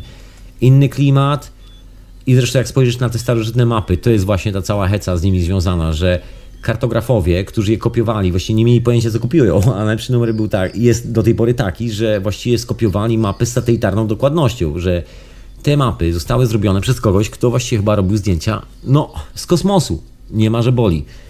No i linia brzegowa jest inna. I linia brzegowa jest dokładnie taka, jak przed tym przesunięciem. Po angielsku mówi się taki shift Ziemi, czyli przestawienie się Ziemi. Lekkie przesunięcie o 3 stopnie w lewo. Nic więcej, czy jakoś tak. No i oprócz tego, te wszystkie mapy są, jak każda mapa, pozycjonowane w jakimś miejscu. Gdzieś jest tak zwany punkt zero, z którego wypływają wszystkie statki, gdzieś jest zawsze Rzym, do którego prowadzą wszelkie drogi. No i na starych mapach ten Rzym jest zupełnie gdzie indziej w sensie bieguny Ziemi. W zupełnie innym miejscu i w zupełnie innym miejscu przebiega oficjalny równik. Nie w tym miejscu, w którym przebiega dzisiaj. Zupełnie inaczej to wszystko wygląda. Jeżeli się przyjrzymy właśnie na te wszystkie wykopaliska, na te wszystkie rzeczy, to właściwie mamy do czynienia z bardzo jasnym obrazkiem tego, co prawdopodobnie nas czeka. Oczywiście może nam się to zbyt prostackie, zbyt proste i mi tobie takie, ale tylko tyle, albo coś w ten sposób. No ale wygląda jasno i wyraźnie, że z powrotem wracamy do tego punktu, w którym byliśmy chociażby 12 tysięcy lat temu i historia związana z trzęsieniami Ziemi i w ogóle tym wszystkim, co się wydarzy, to nie jest jakby kwestia katastrofy globalnej, bo to nie jest katastrofa, wręcz odwrotnie, to jakby jest pobudka, Ziemia wraca do swojego naturalnego ustawienia, bo to jest właśnie owe naturalne ustawienie tej planety. I widać, jak wszystko się synchronizuje. Jak na przykład synchronizuje się Wenus, bo Wenus i każda prawdopodobnie z planet naszego układu słonecznego ma swojego brata bliźniaka. W ogóle cały układ słoneczny ma swojego brata bliźniaka. To jest tak zwany spin. Jesteśmy w takim podwójnym układzie. Ponoć. No wielu fizyków to postulowało i to już tak od czasów Alberta Einsteina, że wszelkie anomalie, które znajdują się w naszym układzie słonecznym, wynikają nie z jakichś e, teorii szaleńca, tylko wynikają z oddziaływań, które są grubo, grubo gdzieś daleko, nie wiadomo skąd i my o nich niezbyt wiele wiemy. Teraz wiemy troszeczkę więcej i jeżeli zaczynamy sobie łączyć to wszystko w jedną całość, szczególnie kawałki tej starożytnej wiedzy, w której ciągle mamy do czynienia z tymi dwoma postaciami Słońca. Tam nigdy nie ma czegoś takiego, że jest jedno Słońce. Fenomen to jest Bizancjum na przykład, które zanim stało się katolickie, zanim ta banda pedofilii opanowała Bizancjum i stworzyła tam centrum swojego imperium, niszcząc możli możli wszystkie możliwe cywilizacje dookoła, zanim to się stało, w mieście i w ogóle ta kultura, przynajmniej takie słuchy chodzą, wyznawała wiarę w, w dwa słońca. Nigdy nie było czegoś takiego, że jest jeden Bóg. Zawsze były dwa słońca, były dwóch, było dwóch braci, o czym wspominałem. Zawsze, wszędzie, w każdej w ogóle teologii jest dwóch braci. Rzymianie to podchwycili. Dwóch braci ssących mleko wilczycy, uratowani przez nią, oczywiście przez tą wilczycę, wychowani przez wilczycę, założyło miasto Rzym. Dokładnie, taka legenda. I wyobraź sobie, naprawdę, że ludzie w tą legendę o tym, że tych dwóch braci wychowanych przez wilczycę założyło Rzym, wierzyli przez około tysiąc lat i to mocno wierzyli. Nawet były takie badania archeologiczne wstrzymane, żeby znaleźć właśnie tą zwłoki owej wilczycy, zwłoki owych braci i tak dalej, i tak dalej. Poważnie. Naprawdę ludzie w to wierzyli. Nikt tam nie chciał zakładać za bardzo, że tam była zupełnie inna kultura, że to, co my nazywamy Rzymianami, to po prostu motłoch, który przyszedł i splądrował miasto. I właściwie miasto kompletnie podupadło, bo o ile nawet jeszcze gdzieś była jakaś tam lokalna, stara społeczność, która sobie dawała radę, to napływ wariatów z bronią, bez żadnych zahamowań, zniszczył kompletnie kulturę, która właściwie zbudowała Rzym, bo Rzym nie jest właściwie rzymski, to też jest fenomen. Jest taka rzecz bardzo skutecznie pomijana przez archeologię. Kilku archeologów we Włoszech się na tym wywaliło i zakończyło swoją karierę. Szczególnie jeden taki gentleman, który przez przypadek postanowił pokopać troszeczkę głębiej, dookoła takiej rzymskiej farmy za Rzymem. No i się okazało, że właściwie wszystko niby ok, ale im głębiej kopie, tym większe te kamienie i właściwie słabo to wygląda na okres rzymski. Nawet słabo to wygląda na okres czasów Aleksandrii, nawet w ogóle za bardzo ciężko to nazwać jakkolwiek. To, to stwarza zwyczajnie problemy.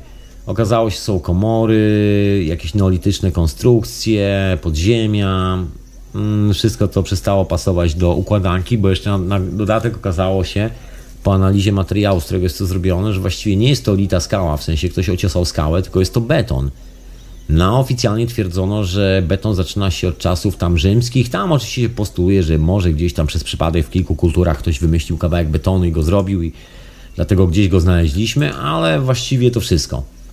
I normalnie przypisuje się to Rzymianom. To się okazuje, że właściwie mamy do czynienia z kulturą, która przyszła na gotowe Wiemy doskonale, że akwedukty, duża część akweduktów, znamienita, istniała już wcześniej przed Rzymianami. Rzymianie tylko używali akweduktów.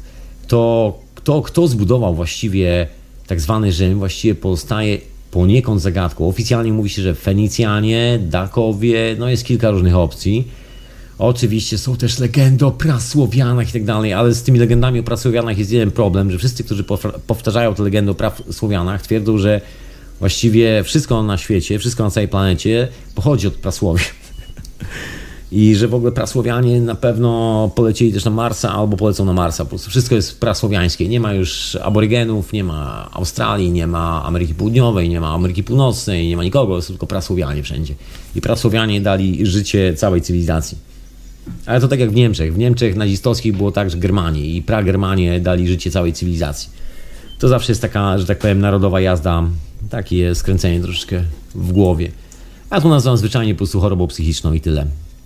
Anyway, skoro tak wygadałem o tych wszystkich tajemniczych śladach i zaraz wracam do, do tych moich różnych szalonych konkluzji, bo właściwie mam jedną taką główną konkluzję, która się ciągnie za mną od jakiegoś czasu, związaną, związaną właśnie z tym, co to za tajemnica, co co to za zagadka się kryje właśnie za tymi wszystkimi budynkami, za tym kosmicznym ustawieniem Ziemi, za tym, że wszelkie elity dążą do tego, żeby odizolować nas od informacji na ten temat.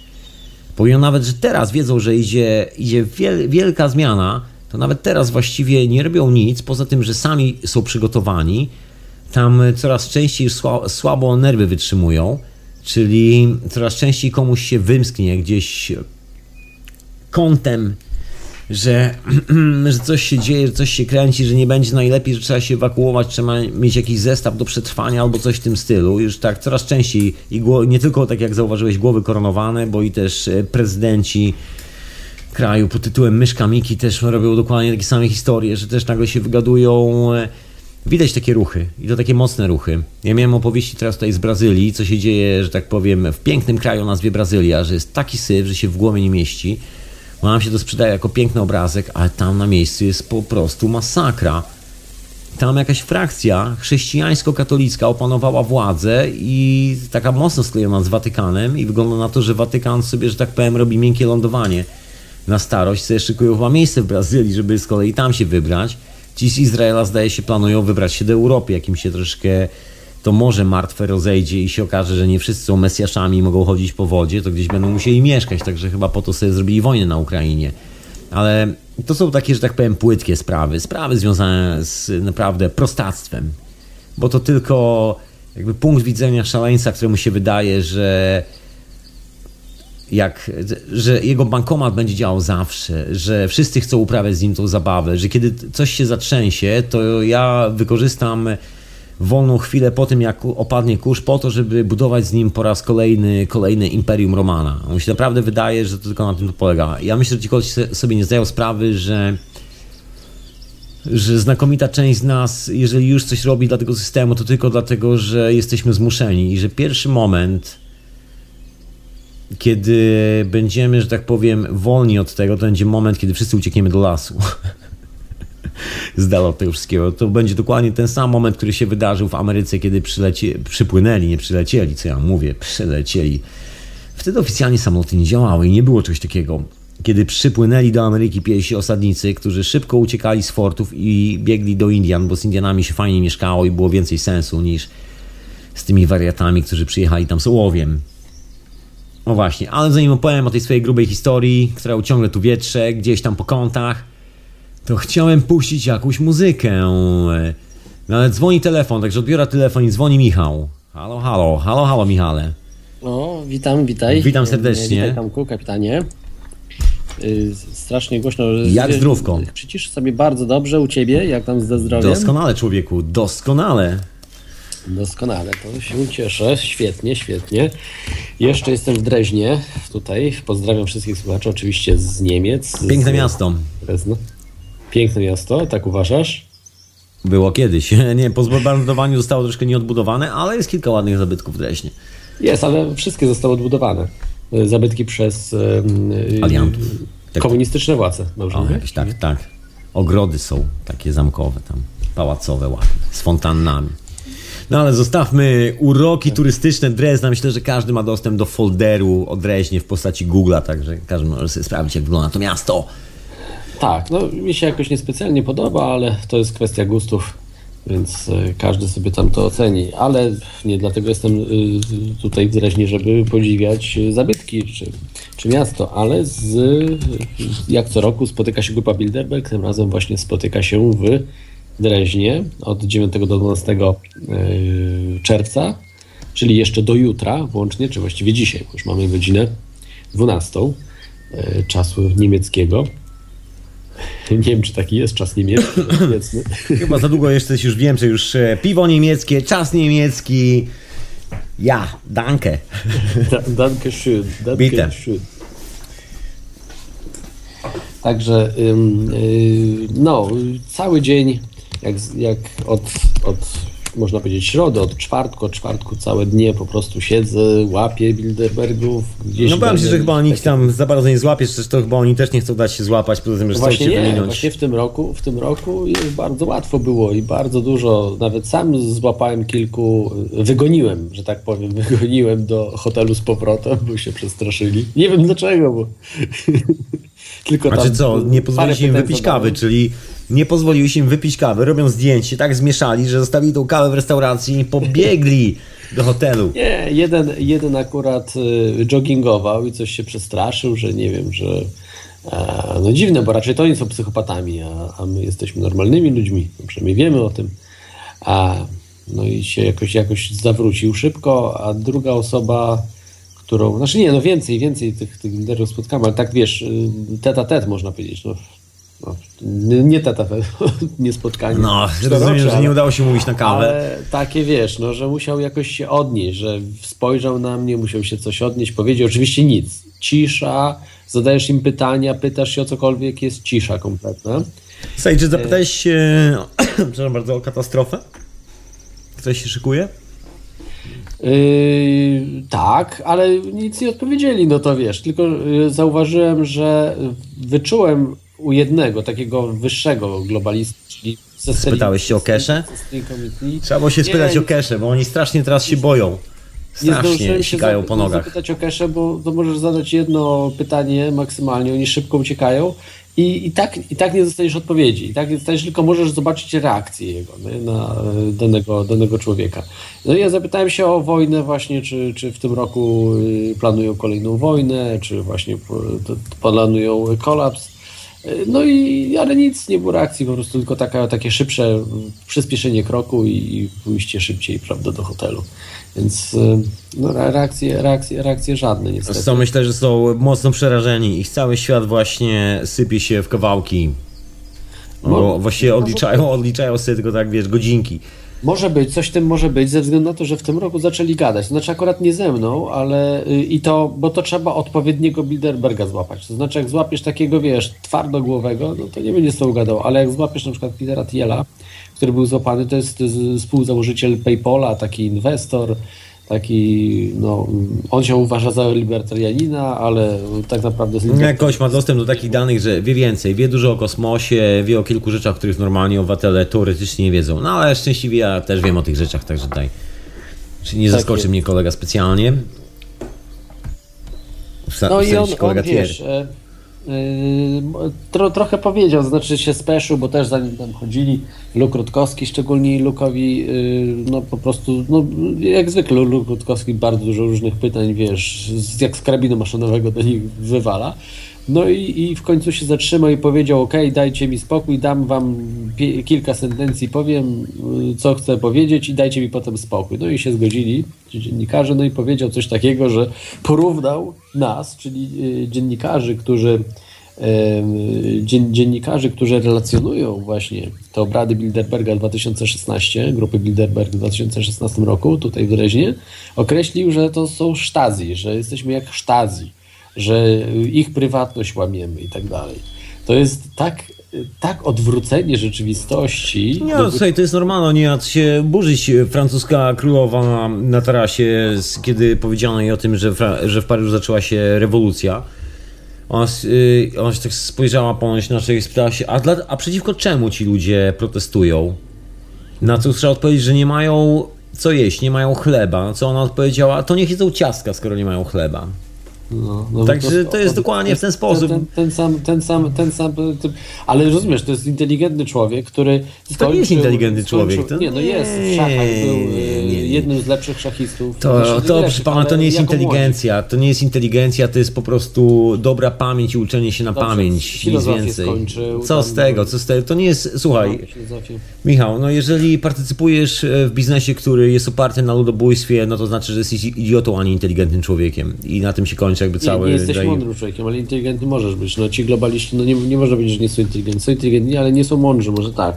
Tak My, myśl, myślę, że przeceniamy mocno walory intelektualne tych ludzi i to tak delikatnie mówiąc, y, mocno to chyba za mało powiedziane, myślę, że są kretynami. No tak, no, no, no tak, on, on coraz częściej do mnie to dociera. sprzedać jakąś, jakąś bzdurę totalną. Oni zajmują się właśnie, bo on też brał udział, Peter Thiel między innymi, a, a, także Ale- Alex Karp, który jest szefem takiej firmy Palantir, która partycypuje w zbieraniu danych, szpiegowaniu wszystkich internautów, współpracuje właśnie z CIA w programie PRISM. E, Ta, ta firma, Palantir, jest tak jakby takim rozszerzeniem CIA w ogóle. No i tych dwóch panów było oczywiście na Bilderbergu, Alex Karp i e, Peter Thiel. I ten Peter Thiel powiedział, że my, e, że my jesteśmy jak Stasi, a przecież oni są jak Stasi, oni są z władzą, a z władzą się spotykają, ustalają różne rzeczy w- sekret, w pewnym sekrecie, czyli to, co Stasi robiła. Stasi to były służby specjalne, komuni- komuniści robili co Nie, no jasne, no, za- no wiemy o tym, no to takie to, to wiesz, jest obvious oczywiste, thing. rozumiesz, ale... No, ale ale... co, ci innego może powiedzieć? Zrozum, facet właśnie, właśnie okazało się, że całe jego życie straciło kompletnie sens, że jest idiotą, który zainwestował w ludobójstwo za dosłownie, no, wiesz, nie chcę mówić dni, bo to nie są dni, generalnie za parę chwil zaczęcie się ziemia i cały jego dobytek, całe jego bogactwo idzie się pieprzyć, rozumiesz? Cała władza w Stanach znika, wiesz, połowa połowa wybrzeży idzie pod wodę, cała władza muni- municypalna znika, praktycznie zostajesz tylko ty i, i to, co masz. I oni No, już tracą całą wiadomo, władzę na świecie. będzie, to wiesz, to- to no jak to nie wiadomo, czy to, to nie jest nie wiadomo, czy to będzie. To jakby to zależy, jak do tego podchodzisz, wiesz, jak chcesz podchodzić jako wróżka i szukać e, różowego nosorożca, czy tam jednorożca, to wiesz, będziesz się zastanawiał, czy będzie, czy nie będzie. Masz dane naukowe z satelitów, masz dane geodezyjne, masz dane z miliona stacji na świecie, które monitorują aktualnie trzęsienia ziemi, masz dane z wulkanu Yellowstone między innymi. Przecież wszyscy o tym doskonale wiedzą. Przecież wiesz, że jak skrupa się rusza, to wiadomo, że ma to swoje konsekwencje i że to nie jest tak, że nagle przestanie się ruszać, bo bo ty sobie wyobraziłeś, że masz kredyt do spłacenia i masz pomysł na przyjemną starość i sobie wymyśliłeś wakacje, na które polecisz w przyszłym roku. To jakby, wiesz, świat jakby mało obchodzi i do kolesi dociera powoli ta świadomość, że są mocno w dupie. Właściwie jedyne, co stworzyli, to system, który doprowadził do tego, że ludzie ich nienawidzą. A oni, a oni sami chyba łapią, że żyją w Nie, takim no, chyba tak- abstrakcie, tak nie że ma, wiesz... Nie, nie ma aż tak dobrze, bo to my, wiesz, ci ludzie, którzy protestują i, i no to może nie tyle, że, że nienawidzą, ale, ale po prostu no widać, że to są goście oderwani od rzeczywistości, którzy no czynią zło, no, no, no trzeba to otwarcie powiedzieć. No wiesz, jeżeli masz takie, Michał, jeżeli... Ci ludzie, no, i- czyniący zło, no. Jeżeli masz takie podejście, że w ogóle w twojej głowie jest taki pomysł, że, że masz taką reverse logic, czyli taką odwróconą logikę, że na przykład ludzi, którzy się ciebie pytają, co, dlaczego decydujesz, dla- dlaczego próbujesz decydować ich, wiesz, ich losa, o ich losie, nie informując ich o nich, o, o, o tym, ani słowem, jeżeli on ci odpowiada, że to ty jesteś Stazji, no to nie- wiesz, to czego ty spodziewasz się? To on naprawdę tak myśli. Wiesz, ja już się wyleczyłem z tych iluzji.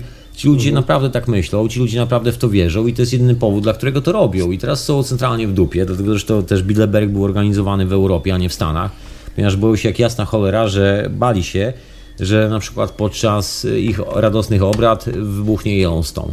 Bo właściwie nie wiadomo, słuchaj, panowie specjaliści, którzy siedzą przy tym wulkanie mówią, że to jest kwestia tygodni, że pieprznie. No ale, ale dobrze, no ale to powinni się przenieść teraz, ten, ci No wszyscy, jest- oni już dalej w Stanach mieszkają. No Ale to, jest, ale to jest kwestia mentalności, to jest kwestia logiki, że zrozum, to są takie zdeby. Oni nie chcą tego dopuścić. Oni wierzą w to, że wiesz, w ostatniej chwili przyleci po nich helikopter i zostaną ewakuowani. Masz piękny przykład y, kolesia, o którym wszyscy myśleli, że jest bardzo inteligentnym facetem w show biznesie, nazywa się, nazywał się David Bowie. Zmarł na raka. Choroba, która właściwie jest wyleczalna w ciągu 8 dni, jeżeli wiesz jak to zrobić. A ile miał? 68 lat, coś takiego, tak? No, no nieważne ile miał No, no lat, tak, po prostu no. zmarł na raka, bo, bo, uwierzył, bo wierzył w chemioterapię. Nie, nie sprawdził sobie w internecie, co to jest olej z RSO. Rozumiesz, facet miał miliony, facet miał wszystko. Poza jednym, No tak. rozumem w głowie. Rozumiem, no, no, no, Rozumiesz? No i, co, i dokładnie tak samo wyglądają ci kolesie. Przecież oni wierzą w to, że tak jak brytyjska królowa, ona wierzy w to, że przyleci po nią samolot i tak dalej. Przecież jak walnie wulkan, jak cokolwiek się stanie, to wiesz, nie ma lotów samolotem. Przecież jak coś się zatrzęsie, to pierwsze co idzie, to reaktory jądrowe się wysypują. I e, wszelkie zbiorniki z różnymi toksycznymi substancjami. Jak sobie przeczytasz tam, jak tam w ogóle są opisywane, co ty masz robić w sytuacji, kiedy się coś dzieje, to to jest śmiech, bo na przykład, wiesz, mówi się ludziom, żeby zbierali na przykład rzeczy do rozpalenia ogniska albo coś takiego, tylko że jak masz opad radioaktywny i ty sobie rozpalisz ognisko, stary, to nie doczekasz do spalenia się pierwszej, e, pierwszego, pierwszej szkapki w tym ognisku, się tak napromieniujesz, ponieważ ogień powoduje wyrzucanie całego tego, tego pyłu w, górze, w górę i właściwie w tym momencie zbijasz potężną chmurę pyłu radioaktywnego i wiele innych takich rzeczy. I tak dalej, i tak dalej. Także nagle się okazuje, że właściwie no nie ma żadnej innej alternatywy mhm. dla tych ludzi, bo w kosmos nie polecą. To już e, to jest pewne na 100%, mhm. że akurat w kosmos się nie udadzą, bo jest to związane ze stanem naszego umysłu, jak się okazuje. Wszystkie te badania kosmonautów i tak dalej jasno to potwierdzają, że podróże w kosmos zmieniają naszą percepcję i bycie... No tak, no ale w kosmos co? Gdzie, gdzie będą mieszkali w kosmosie? No właśnie. Ci, wiesz, ciało się rozwala, jak ty jesteś w, w no mikrograwitacji, nie, no nie, no to, to zależy, mięśnie, to zależy organy, w to zależy w czym wiesz, jesteś, wiesz. Są takie te, no. technologie, które pozwalają ci latać bez problemów, no, ale to są troszkę inne technologie. Mhm wykorzystywane jak na razie przez wojsko. Za chwilę będziemy, właściwie częściowo już z nich korzystamy, przynajmniej ja korzystając z technologii cache, także ja już mam część tej technologii na biurku. Się każdy ale jeszcze nie latasz w kosmos, jeszcze nie. Nie, ale już miałem lift grawitacyjny w, w systemie. O, proszę. Proszę poczytać blueprinty, wszystko jest jasno opisane. Także wszyscy już mają do tego dostęp i jakby cała historia pod tytułem, że wiesz, że, że ty się zamkniesz w bunkrze i będziesz siedział w tym bunkrze, czekając aż opadnie osad promieniotwórczy albo coś tam. Man. Może być tak, że jak ty się zamkniesz w tym bunkrze, to ta ziemia się tak zatrzęsie, że ty z tego bunkra już nie wyjdziesz, bo cię przysypie w tym bunkrze. Mhm. I nie będzie opcji na to, żebyś ty cokolwiek zrobił. Oczywiście są różne tam spekulacje, co, jak, jak tu przetrwać, ale wiadomo, że system zawsze będzie chronił się sam, że w, mo w momencie, kiedy wybucha jakaś rzeczywista sytuacja zagrożenia, takiego rzeczywistego, wiesz, siły natury, żywioły i tak dalej, pierwszymi ludźmi, którzy spieprzają, których spotkasz na lotnisku, jest cała władza. Oni są 24 godziny wcześniej już w samolotach, już wylatują z tego miejsca. I już tam nie ma. Tak. Rozumiesz? Także to, to jest takie, że tak powiem, biedactwa. Biedactwa te Bidlebergi, bo, bo biedactwa. Zainwestowali całe życie, całą fortunę w to, żeby zostali właścicielami świata i nagle okazało się, że są centralnie w dupie i nie mają nic. Bo ani w kosmos nie polecą, ani nic innego. Ty masz większe szanse polecieć w kosmos, jeżeli, wiesz, przestawisz swój umysł, bo nie masz zbyt wiele do stracenia. To jest kwestia też, wiesz, troszkę pracy głową przy tym systemie. Szybciej polecisz w kosmos niż ci kolesie. Także oni są, że tak powiem, zmuszeni, wiesz, tu zostać, cokolwiek by się nie stało. To oni zapłacą chyba największą cenę. Także jedyne, co chyba teraz mogą robić, to modlić się do czegoś, co wierzą, o to, żeby los był dla nich łaskawy. Jedyna mhm. opcja. No, zobaczymy, no wiesz, jak, jak, coś, jak to się rozegra, bo e, są już w planach. Znaczy ja akurat to, tak jak no tutaj mówiłem w, wczoraj w Story House'u w mojej audycji, że no, jest e, taki no, dziennikarz, były dziennikarz BBC, który no, dostał informację od whistleblowera o tym, że plan, planują właśnie załamanie ekonomiczne. Mówię ekonomiczne w tej chwili, e, w tym sensie, że może trochę, wiesz, no, nam e, o tyle przeszkodzić trochę, że no, chaos jednak zrobił jakiś trochę, jeszcze przed tymi, tak jak mówisz, wiesz, wybuchem. No ale co to im da? To tak naprawdę, to wiesz, to już są, to już jest naprawdę mo, moje, moja percepcja jest taka, że to już jest zachowanie kretyna, który zwariował do końca. Który, takiego, takiego dziecka, które ma 5 lat, które jest debilem. Jeszcze wychowane przez debilnych rodziców które rozpędza nie, nie, nie, się i wali no głową w ścianę, rozumiesz? Ja, rozpędza ja się, się i wali głową ścianę, krew cieknie ale... z głowy, a on się rozpędza jeszcze raz Ale oni może wierzą w to, że nie będzie żadnego wybuchu, że to się zatrzyma wszystko, że to, to, to, tam, to, to, nie, to, to, to nic i wiesz, i sobie dalej będą tak, jakby tego nie było w ogóle. Mogą sobie wierzyć, jak widać chyba nie za bardzo, skoro przenieść się ze swoimi y, spotkaniami do, na inny kontynent, na płytę tektoniczną, która się nie zatrzęsie, nie, a no nie... może, może wiesz, no w przyszłym roku będzie w Stanach, no. Miało być w tym przecież, prawda? No nie, nie, nie wiadomo. No, no miało być, na początku były typowane Stany, przecież oficjalnie były typowane na, ich stronie Stany, to, a później nie, no. zmienili. Jak się okazało, że Yellowstone jest aktywny, to już zmienili. Zresztą to jest spotkanie jest przez przypadek w Europie, ponieważ największa opozycja do wprowadzania nowej technologii, która po prostu zaora ten, wiesz, świat wielkiej ropy i nafty, jest tutaj w Europie. Dosyć mocno osadzona i tu jakby ta opozycja do tego to jest kwestia brytyjskiej rodziny królewskiej, to jest kwestia e, rodzin, które sprzedają ropę, które handlują diamentami, zasobami na świecie, trzymają łapę na tych wszystkich tak zwanych zasobach tych takich istotnych, które służą jako waluta właściwie. Kiedy pada jakakolwiek waluta, to się używa tych zasobów jako waluty zastępczo, czyli wiesz, złoto, diamenty i tak dalej. No jest kilka rodzin, która, która, że tak powiem, trzęsie tym biznesem, kilku ludzi. Są to żydowskie rodziny, nie ma co tajemnicy na, na ten temat specjalnie robić. No oni pracują właśnie dla tych tak zwanych Illuminati, tak to można nazwać zwyczajnie. I widać, że wszyscy się boją, dlatego spotkali się w Europie, bo tu jest Antwerpia, tu jest to centrum, tu jest, e, tu jest e, The Circle, tu, jest, tu są tak naprawdę szefowie dla Bilderberg Group, tu mieszkają bossowie. Także widać, że tu się spotkali, bo się boją technologii nowej. I moim zdaniem to jest ich strach przed cache i przed tą technologią, bo są centralnie w dupie. Już właściwie stracili praktycznie wszelkie wpływy, które mieli. Bo ty już nie potrzebujesz iść na leczenie chemioterapią, jeżeli masz raka. Ty po prostu robisz sobie według odpowiedniej procedury tak zwaną płynną plazmę CO2 stary i jest po nowotworze. Mhm. I co na to korporacja farmaceutyczna? No, korporacja będzie walczyła z, z tą wiedzą i będzie. Yy, nie wygra, no, no, nie wygra, no nie, to może sobie marzyć. Tym, tym... No oczywiście, oczywiście, że nie wygra. Tak samo jak to ci Bilderbergowie teraz próbowali policję, wiesz, przeciwko nam ustawiać. No mnie rewidowano z sześć razy. Dzisiaj w ogóle mi przetrzepali cały plecak policjanci, naprawdę było dramatycznie. Chcieli jeszcze skasować jakieś nagrania, ale nam się udało z fartem po prostu troszkę uciec i no i tu mogę się pochwalić, że mamy, mamy wreszcie Radka zdradka z żoną. Jest, udało się, także... Radek pojechał po nową brygadę. Tak, jest udowodnione, że był, był i już nie może się powiedzieć, że go nie było tam. No to wiesz, jak to jest troszkę z tym Radkiem, z Drabkiem i tym, czy był, czy nie. To i tak już chyba podejrzewam nie ma znaczenia dla nas. No tak, tak, to jest, to jest, no ale wiesz, no mogą robić naprawdę jakieś, jakieś głupie rzeczy ci ludzie, to, to są psychole, mogą zrobić wojnę w tej chwili. Ja nie mówię, że wojnę totalną, y, światową, tylko taką wojnę, żeby na przykład zaorać Polskę, no wiesz, jakieś takie naprawdę ruchy, jakieś głupie, tak jak Ukrainę zaorano, no wiesz, no, na Ukrainie naprawdę to zrobiono taką, taką rozpierduchę, że, że, że tam całe miasta po prostu były rozpierdzielone, no. Są, no, do, dzisiaj. Są, ale to jest robione, widzisz, tu jest jedna historia, którą, o której ja wspomniałem wcześniej, przynajmniej taka jest moja opinia, że tu chodzi jasno i wyraźnie o przeprowadzkę paruset tysięcy ludzi z Izraela w inne miejsce, bo wiadomo, że no tam, no tak, teraz Izrael, ale to będzie... jest najlepszym miejscem. Ukraina, Ukraina i Polska. No tak, Ukraina, Polska, no to o tym, o tym mówisz, to się wszystko zgadza, no ale rozumiesz, no to nie jest dobre rzeczy, to nie są dobre rzeczy, które oni, oni chcą robić. Nie? Ale to wiesz, to jest taki abstrakcyjny plan, bo to jest plan kolesi, którzy wierzą w to, że wyślą 100 tysięcy helikopterów wojskowych, rozstrzelają wszystkich, a później przyjadą i tam zamieszkają. A tu jest za chwilę taki problem, że za chwilę zatrzęsie się ziemia i żaden z tych wojskowych helikopterów nie będzie miał czym i gdzie zatankować.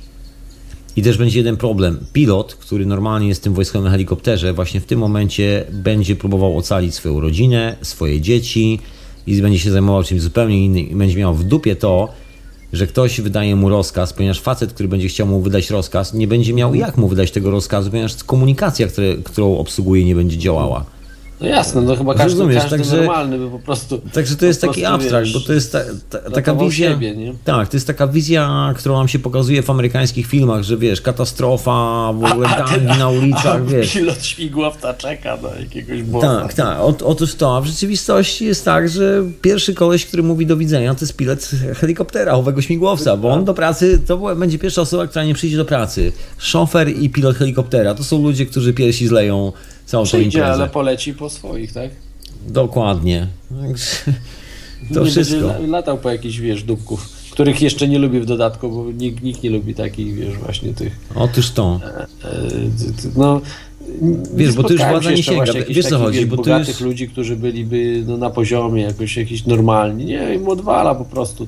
Spotkałem ludzi wychowanych z bardzo dużymi pieniędzmi, ale to jest jedyne słowo, które można ich powiedzieć, to to, że są dobrze tak. wychowani, natomiast poza tym niestety ale to tak, no, nie spełniają warunków. To jest nic, że nie są hamami, ale wiesz, no nie są przyjemnymi ludźmi. No. Nie, absolutnie. Nie spotkałem nigdy przyjemnego człowieka z milionem funtów, a spotkałem paru ludzi z milionami funtów i każdy z nich był no niestety moim zdaniem chory psychicznie.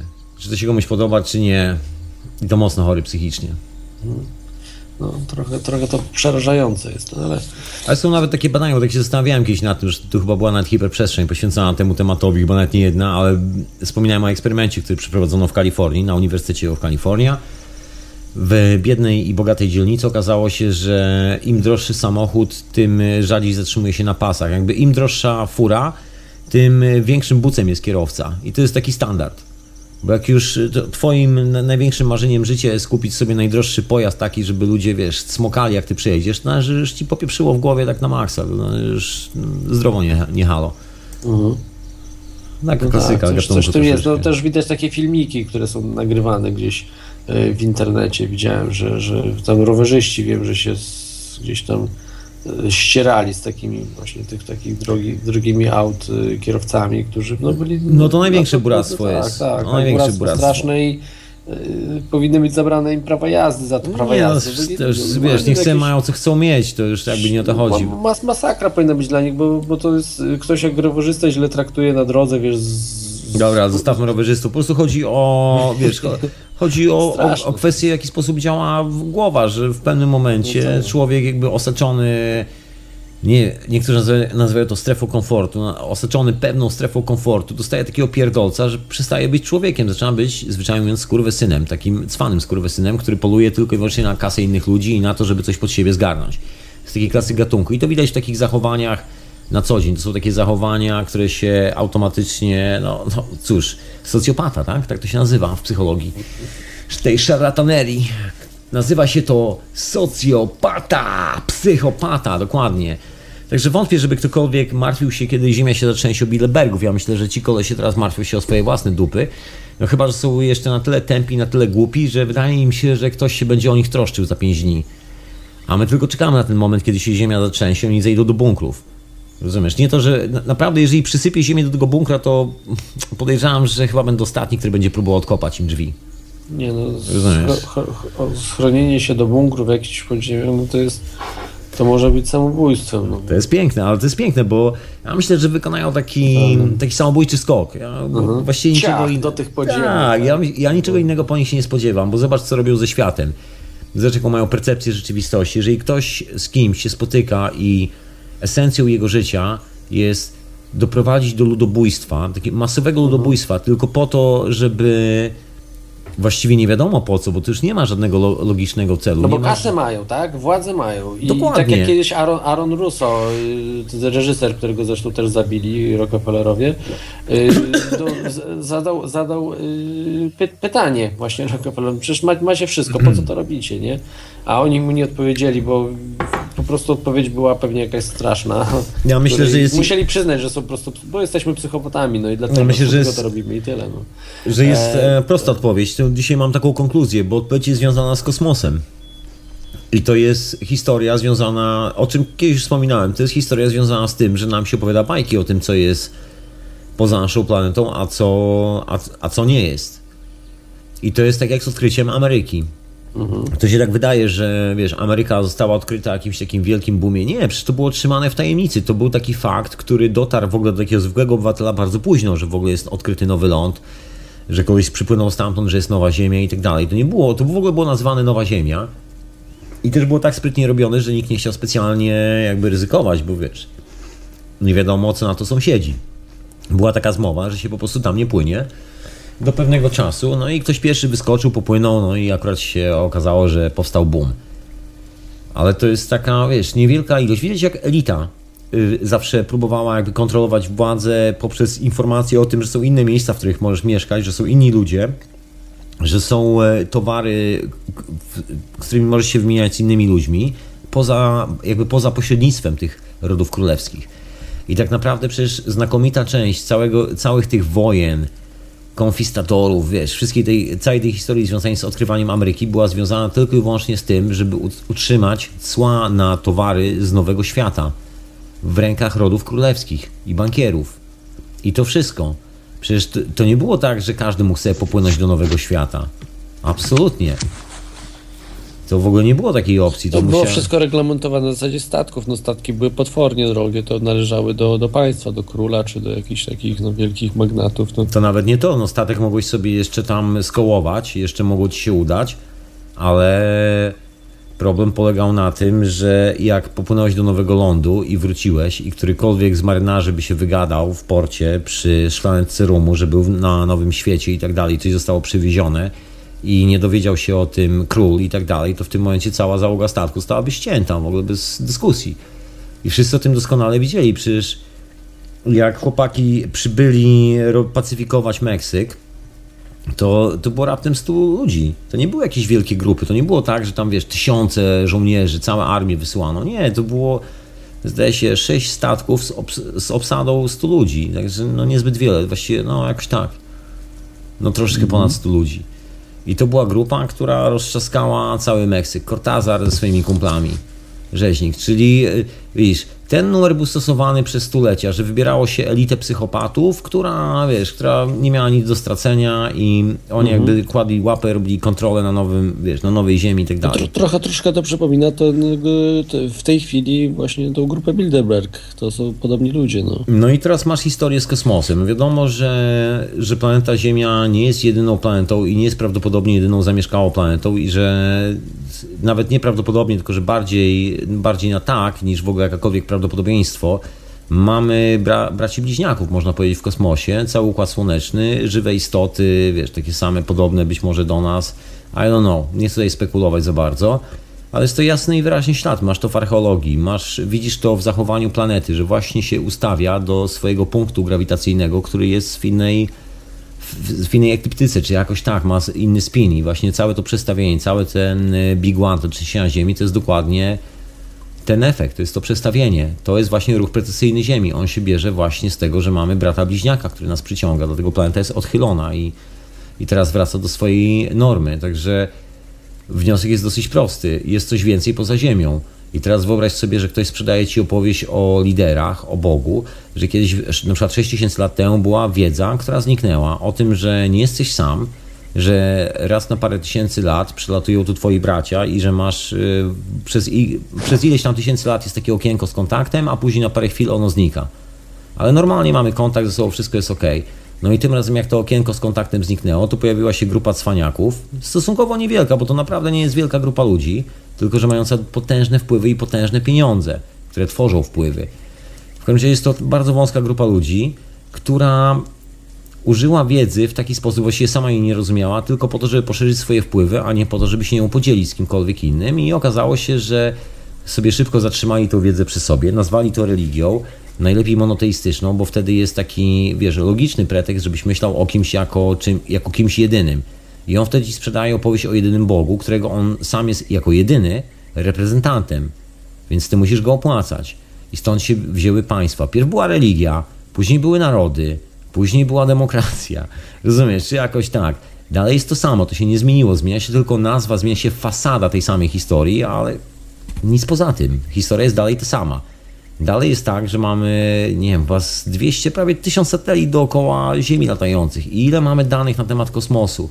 Jak tylko cokolwiek się pojawia, naturalnym mhm. odruchem, na przykład na tej stacji ISIS, naturalnym odruchem byłoby to, żeby skierować kamerę w miejsce, gdzie się coś pojawia. A co się dzieje? Kamera jest automatycznie wyłączana co się dzieje na wszystkich filmach z NASA. Od razu jesteśmy odcinani od wszelkiej informacji, która mogłaby nam powiedzieć, że nie jesteśmy jedyni i ten obraz rzeczywistości, który mamy w głowie, że wiesz, jest jedyny Bóg, jest lider i tak dalej, że, że to jest coś, co mamy wierzyć. Jest taka usilna próba zatrzymania nas jeszcze przez parę chwil w tej wierze, tylko po to, żebyśmy, wiesz, wysmarowali komuś po prostu tyłki wazeliną i pozwolili mu zarobić kolejne parę milionów dolarów, które i tak nie mają żadnego znaczenia, bo za chwilę i tak żaden bankomat nie będzie obsługiwał tego wszystkiego i też podejrzewam, że chyba światu się nie będzie chciał tego obsługiwać. Także ani mi, ani prawdopodobnie tobie, także straci to jakikolwiek sens.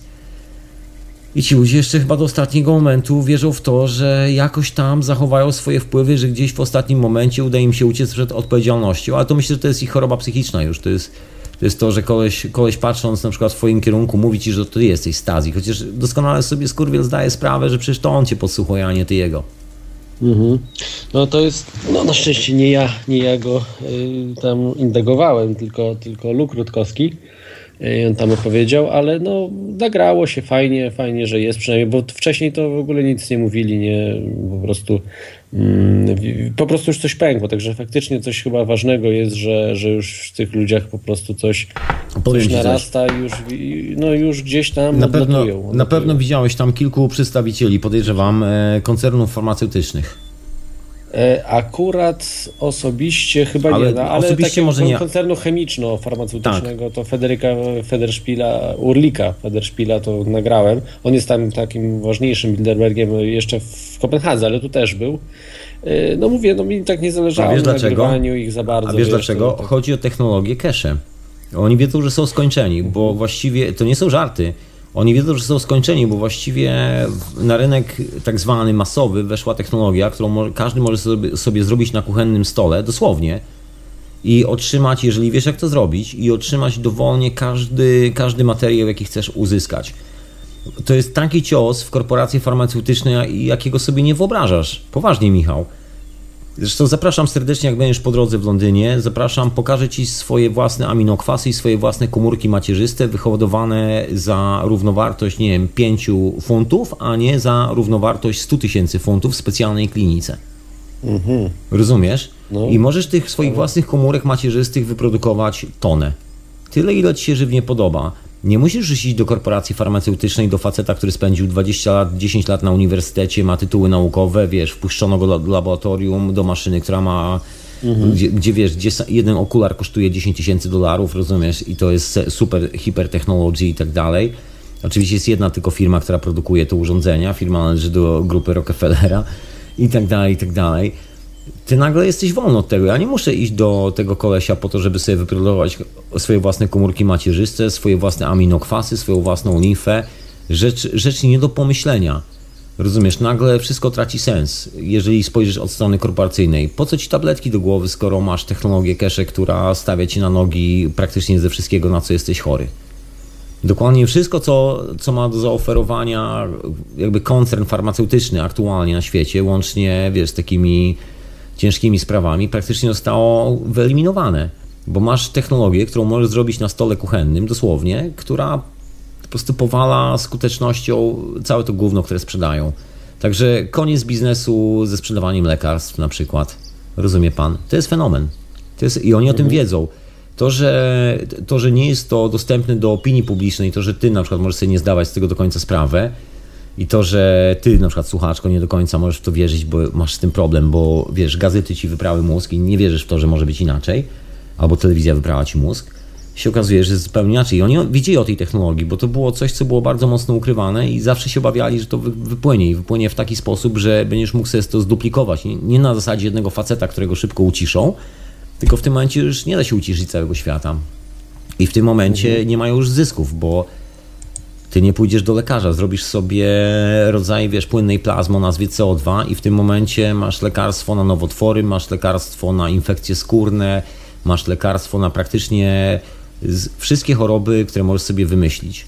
Bo Tak, to, to załatwia na pewno, na pewno to ro- Big Farmy. Dokładnie. E, natomiast y, ropę, Oj, no oj, to masz kolejny rzecz. Wiesz, ale, ale y, mówisz o takich rzeczach. y, y, To jest moim zdaniem, to jest, to jest powód, dla którego się, to- na którym, to jest, to był główny temat, na którym dyskutowali, bo oni teraz ratują swoje dupy. Ale So- to nie, nie wszyscy, to naprawdę to niewielka część ich. Większość rzeczy, większe, no, czy, czy sądzisz, że, że pan Radek Zdradek, Radosław Sikorski z żoną, oni wiedzą o tych sprawach? No, Wiedzą, nie, no, nie wiedzą o każdy, techno- nie wiedzą. Każdy, nie każdy w sprawach wie, no niektórzy naprawdę są, On są wie o tym, ale to- to- ignorantami, byli ignorantami. Słuchaj, to że, będą on, ignorantami. to, że on jest głupkiem, który naprawdę, któremu słoma z butów wystaje i niewiele rozumie, to jakby to nie jest istotne. On wie o tej technologii. Pamiętaj, że to jest człowiek, który miał dostęp do wojskowych technologii. On, nie, on, on wie, że technologia istnieje, wie, że to jest możliwe i wie, że to działa. Natomiast jest zbyt głupi, żeby zrozumieć, jak to działa i jakie są konsekwencje tej technologii. Tu się z Tobą absolutnie zgadzam, natomiast ma, ma informację o tym, że ta technologia jest. Sam widziałem na własne oczy, jak atasze polskiego ambasadora odbierał Magrawa od e, Mr. Cash. Własnoręcznie, osobiście, do rąk odebrał.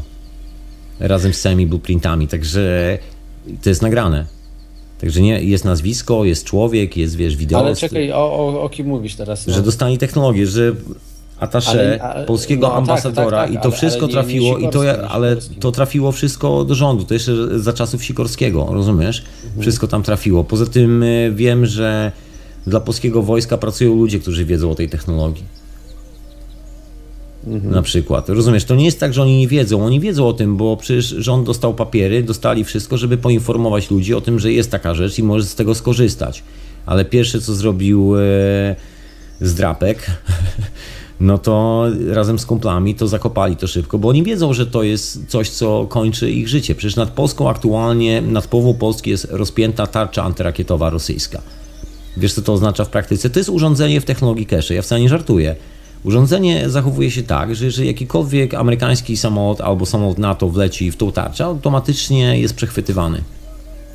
Po prostu nie masz szans, że cokolwiek, wiesz, że ty w ogóle wyjdziesz z tego cało. Jesteś przechwytywany, cały samolot jest przechwytywany i ściągany na ziemię. Ty w ogóle tracisz kontrolę nad samolotem. Jest cały jak, jak drony amerykańskie nad, nad Iranem. Zostały wszystkie przechwycone, sprowadzone równiutko na ziemię, wylądowały i zostały odesłane, w, rozkręcone na kawałki ambasadzie amerykańskiej dla dowcipu. Rozkręcone na śrubki, dosłownie zostało odesłane. Także Rosjanie akurat rozpieli, wiesz, tą czaszę i Amerykanie nawet podczas tych swoich manewrów nie są w stanie wlecieć. Także nie, nie, za, nie za dużo mają i Zdrapek o tym wie. Doskonale o tym wie, bo Zdrapek jest przydupasem, który pracuje dla CIA. Przecież Zdrapek No jest tak, pracownikiem oficjalnym CIA. Zdrapek, zdradek. Dokładnie. No, y, tak, tak, tak, tak, tak jest. Pra, pracował, ale to się cały czas pracuje, prawda? Zresztą szef, były szef CIA też był, też jest na spotkaniu i pewnie sobie tam dużo pogadali.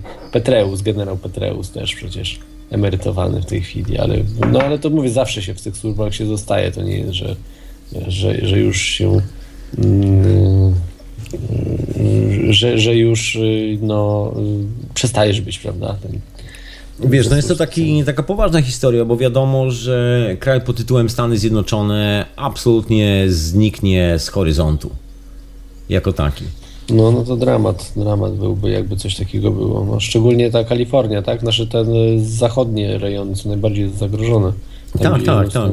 To w ogóle nie ma Yellowstone dyskusji nie jest ten. Kalifornii, ale no niedaleko. To, to jest Kalifornia, to jest cała Kalifornia, Meksyk. Zobacz, jaki idzie uskok tek- tektoniczny. Uskok tektoniczny San Andreas zaczyna się, San, San Andreas zaczyna się właściwie, no zależy się zaczyna, gdzie się kończy, to jest cała Kalifornia.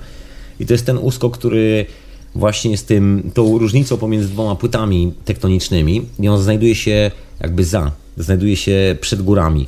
I w momencie, kiedy płyta się odsuwa, to Kalifornia jest już odcięta od lądu. Proszę jako legi. Także nie masz powrotu. To nie jest tak, jak na filmach, że dodasz gaz do dechy i w ostatnim momencie ach, wiedziesz drogą, a za tobą się zapadnie. Nie, nie, tu pierwszy zapadnie i nie będzie dróg, także już nie będzie gdzie jechać. W tych filmach jest fenomenalne. A Dokładnie. potem z- wyskakujesz z samochodu, wskakujesz do samolotu, bo ktoś ci drabinkę rzucił i jesteś uratowany. No, Ja to lecisz. wiesz, z, kole, z, z kolegą sobie żartowałem y, wczoraj tak prywatnie, sobie żartowaliśmy na temat y, zdrabka Radka Sikorskiego, który ma doła, bo nie dostał brygady pancernej i sobie tak żartowaliśmy, że to że, że Radek po prostu, wiesz, oni go zaprosili, bo ma dużą chatę. I wiesz, jak tam się zawali, to oni będą chcieli gdzieś mieszkać. A Radek kupił sobie dużą chatę za tą kasę, którą oni mu A, dali, no ma całą, także... to nie tylko chatę, przecież ma wielkie połacie Ziemi, oczywiście, także ja myślę, że... Ja myślę, że, że teraz po prostu Radek, Zdrapek, Przygłupek będzie miał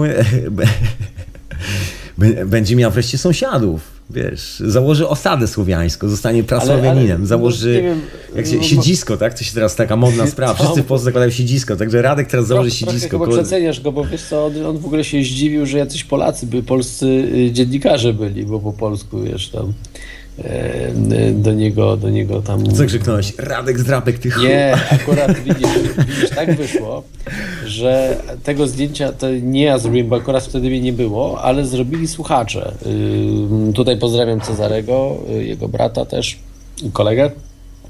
Pozdrawiam którzy, Michał. y, Zdaje się, Cezary się odzywał do mnie, próbował cię złapać właśnie tam, także mam No, swój mały udział w tak, tym sukcesie. Przyjechali i akurat oni, jak oni się pojawili, to zdrapek z żoną się pojawił. Nie wiem, to są po prostu jakieś koincydencja i szybko zrobili tam i... A że, a że po prostu się znamy dobrze, no to też mam dostęp do tych zdjęć. Oczywiście autorem, prawo autorskie jest dla, dla Cezarego i i on będzie tam próbował opychać to zdjęcie, żeby jeszcze no, chłopak trochę dorobił na tych jakieś, ale pewnie podejrzewam na tych Bilderbergach to się to dużo nie zarabia na tych zdjęciach. Mi nigdy nikt nie zaproponował żadnej kwoty za nic. Yy, więc no ale jest, ale jest dowód. To jest fajna rzecz, że jest, nie może Niech powiedzieć, po prostu publikuje, bo to też nie wiem, czy wiesz, no, nie wiem, albo chcesz robić dla pieniędzy, to chyba jesteś drugim Bilderbergiem, bo oni chyba też wszystko robią tylko i wyłącznie z jednej pobudki.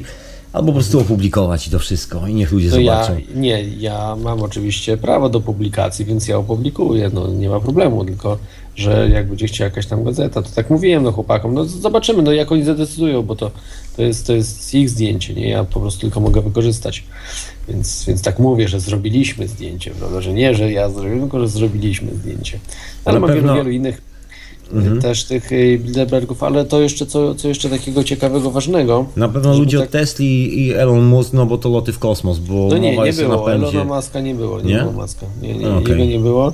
Yy, także, także tak jak mówiłem, był Alex Karp i Peter Thiel, bo ja myślę, że Elon Musk jednak się wyzwolił trochę od, yy, od CIA, bo Peter Thiel i Alex Karp dalej w CIA tam działają, czyli w tym programie PRISM. W tych, yy, no, NSA niby tak, Mhm. no, powiązane ze sobą wszystko, no mówmy się. CIA też z tego korzysta. Wiesz, tam jest w ogóle skandal poważny w rządzie Obamy, bo przecież jeden z tych chyba. Ja zapomniałem jego roli, jego funkcji, ale to tak, chyba na, szef, em, szef wszystkich sędziów Stanów Zjednoczonych. Ten kość, który oficjalnie teraz tak niedawno ponoć popełnił samobójstwo. Znaczy nieoficjalnie zmarł, nie? ale popełnił samobójstwo. Szef Sądu Najwyższego. Czekaj, czy odpowiednio samobójstwo, czy zmarł na serce? Oficjalnie się mówi, że na serce, ale popełnił samobójstwo. Aha. A skąd wiesz? A tak słyszałem. Ale to nie będę mówił skąd, ale tak słyszałem, że popełnił samobójstwo, i, a powód, bo znam powód. Jest zamieszany w potężny skandal pedofilski. O, Łącznie z rodziną e, królewską, belgijską, angielską. Skandal. s- no, skandal ale to jak? To przecież jest Amerykaninem. Ale to jest siatka, to jest po prostu siatka pedofilii, która używa oprogramowania i tak dalej do ściągania dzieci i. O, jak jesteśmy przy tym, to ci powiem, że Bilderberg jest u- uprzczony pedofilami. Mam nagrane, jak widzicie, sorry, że na razie jest tylko na Facebooku, to ja nie, nie powinienem reklamować, ale tam wrzuciłem, wrzuciłem y, to zdjęcie, jaki samochód wjeżdża. Wje, złapałem po prostu jaki, y, on nie wjechał do, do tego, do, do, na teren y, właśnie y, no, hotelu, ale po prostu przekazał taką skrzynkę z takim, no nie wiem, tam 5 kg może było różnych komiksów, różnych posterów, różnych rzeczy, z komiksów takich dla, dla dziewczynek, czy, czy nie wiem, 8-9 Nie, lat. są dodgy people, jak się po angielsku mówi, czyli. Wiesz, ale rozumiesz, tam nie ma żadnych dzieci, oficjalnie nie ma żadnych dzieci, to o, o co tu chodzi? A może są dzieci właśnie, tylko nieoficjalnie. Nie, No nie nie chcę spekulować, bo to nawet, nie, bo to szkoda czasu na spekulacje w sumie w tym momencie, skoro i tak wiemy o kilku ludziach z tego kręgu, którzy są zamieszani w e, tą historię i koleś po prostu nie wytrzymał presji i sobie, że tak powiem, e, palnął strzała, bo bał się, że sprawa wypłynie dalej, ponieważ za nim stoi jeszcze kilka innych osób, także dla niego samobójstwo było taką opcją, e, no chyba najlepszą, bo to za chwilę i tak to całe szambo wybije, także będzie troszeczkę skandali. No ale, ale Europie to po trochę dziwne, stronie. no bo przecież tak jak zobacz Jimmy Savile, do końca życia wszystko zduszowano, wszystko i nic nie wypłynęło. No, Jimmy Savile szczęśliwie żył dla siebie w takich czasach, w których nie miał, nie było ludzi, którzy, że tak powiem, wzięli się mocno za sprawy. Dzisiaj się czasy troszkę zmieniły. Jest kilku ludzi, którzy się wzięli mocno za sprawy. I żeby było zabawniej, słuchaj, mają swoich sprzymierzeńców w części CIA, w części FBI, bo tam też, jak się okazało, kilku ludzi pracujących dla tych organizacji ma własne dzieci. I pomimo tego, że wiesz, jest tak jak jest, to troszkę przytarli oczy i okazało się, że chyba nie, chcieli, że, nie chcieliby, żeby ich dzieci wylądowały w takiej sytuacji, poczuli empatię do innych dzieci i sprawy się troszeczkę zmieniają. Ten koleś, który popełnił samobójstwo, był poproszony o rezygnację i nie zdążył, że tak powiem, złożyć rezygnacji, bo popełnił samobójstwo. Oficjalnie się mówi, że zmarł na zawał serca. A chodzi o to, że właściwie jest tuszowana gigantyczna, znaczy gigant, jest taka globalna siatka pedofilii, która zresztą ma swoją siedzibę w Antwerpii, jest związana z ludźmi, którzy handlują ropą, diamentami i takimi właśnie historiami. Z władzą. e, a bardzo wielu mocno. z tej afery pedofilskiej Marka I Ditru, bankierzy. Pa, pamiętasz, nie, co mordo, mordowali dzieci, nie? Tak, Jest tak. taki dokument, to są na wolności, na przykład Michael Newell, który był, wiesz, dużo gorszym od Ditru, nie? Już jest na wolności w tej chwili, to po prostu jest coś niebywałego, to, to co tam się dzieje, nie? To jest to, to, to, są, to, to, to, to, to nie są tacy pedofile jak Trynkiewicz, że tam jedno, dwa dzieci. Oni masowo po prostu mordują i, i gwałcą. Słuchaj, no, no pedofilem jest król Belgii, który, prawda jest taka, który zgwałcił swoje dwie córki. Król Belgii jest pedofilem. Taka jest prawda, zgwałcił swoje dwie córki, o, złożyły Ale- ale zeznania. mi- Złoży, mi są to- złożone zeznania, rozumiesz? A dlaczego, dlaczego tego się nie, nie, nic się z tym nie robi, no. Nic nie. No może dlatego, że część z nas jeszcze do tej pory ma, y, ma taki spo- sposób patrzenia na rzeczywistość, że akceptujemy to, jaka ona jest. Czyli widzimy kogoś w telewizji i myślimy, o, taki sympatyczny człowiek, na pewno mądry. Jimmy Savile, no pięknie, Wiesz, po coś w prostu piękny dziennikarz, no wspaniale Anyway, dziećmi się wiesz. zajmuje, do szpitala chodzi tam, no, dba o te dzieci. Tak, ma swój własny Jimmy pokoik w Fix, szpitalu BBC, Jimmy wszyscy o tym wiedzą, ale to jest takie, no wiesz, no, co tu dużo mówić, no ktoś obsługuje spotkanie grupy Bilderberg i to są ludzie z e, podobną mentalnością, ktoś pracuje dla tego wielkiego biznesu, ktoś robi karierę za wszelkie, za wszelką możliwą cenę i trafia na takie sytuacje i partycypuje w tych wydarzeniach. To jest kwestia naszego indywidualnego wyboru. Kilku ludziom odjechało centralnie na głowę i no, robią niesamowity syf. A że władza deprawuje, a władza absolutna deprawuje absolutnie, no to się okazało, że król Belgii, między innymi, też należy do pedofilii. To jest fenomen, żeby zgwałcić swoje dwie córki. Rozumiesz? To jest przerażająca historia i dalej jest królem Belgii, dalej jest nie do ruszenia. Ale No, ale chcę- to może zostawmy, zostawmy no bo to jest, bo to, znam to jest taki sprawę. moment, wiesz, bo to jest taki moment przełomowy dla historii cywilizacji. Mamy, mamy bandę wariatów, która próbuje, wiesz, ustawiać nam wszystko dookoła i nagle w tym momencie ich cała historia się szybciutko kończy, bo za chwilę zapukają sąsiedzi i oni cały czas udają, że tego nie ma, cały czas próbują nas wkręcić w jakieś rzeczy, zająć, nie wiem... E, tańcem na lodzie, czy tym, kto ma głębiej wycięty dekolt i której lasce widać bardziej majtki na zdjęciach na dużym portalu, rozumiesz? I, i za każdym razem, kiedy klikamy w taki news, stajemy się dokładnie w sumie kolegą takiego króla Belgii. No właściwie dokładnie zmierzamy w tym kierunku wtedy. Także to też jest zależne od nas, tak się przyzwyczailiśmy, wkręciliśmy się to też całkiem nieźle, korzystamy z tego, część, przynajmniej część z nas i tworzymy taki świat, a za chwilę ten świat zniknie. No i kolesie, że tak powiem, się teraz próbują poustawiać, bo za parę chwil wszystko się pozmienia i wtedy już nie będzie komu, wiesz, bronić tych ludzi.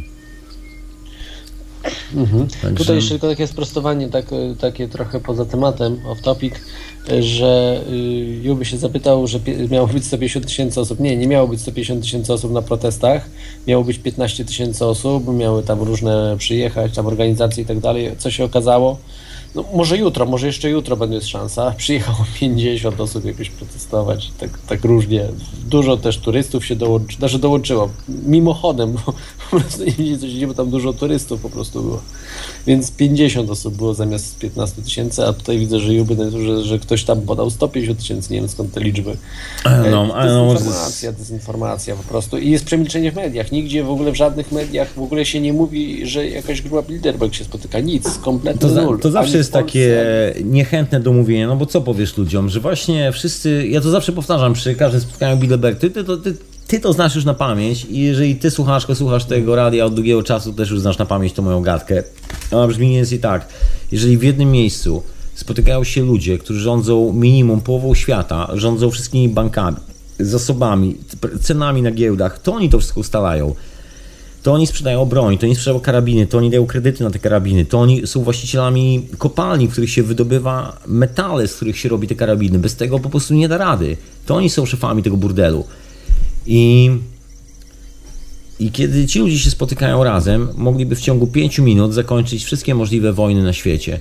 Zamknąć konta każdemu psycho, psychopacie na świecie. Julian Assange, tylko dlatego, że opublikował to, jak radośnie Amerykanie prowadzą ludobójstwo, po prostu, że W, w Iraku czy w Afganistanie, bo jak zamordowali Iraku, w Iraku. ilu? kilkadziesiąt osób, które sobie świętowały w Iraku y, nie wesele, strzelali tak? do kaczek, nie, nawet nie wesele, strzelali do ludzi na No, ulicy, no jak, też, jak, też, jak tak. SS-mani, jak dziennikarzy SS-mani po prostu, do, do, do wszystkiego. Amerykańscy żołnierze to takie SS, takie SS komando, które wchodzi do miasta i strzela do wszystkiego, co się rusza i co nie ma niemieckiego munduru na sobie.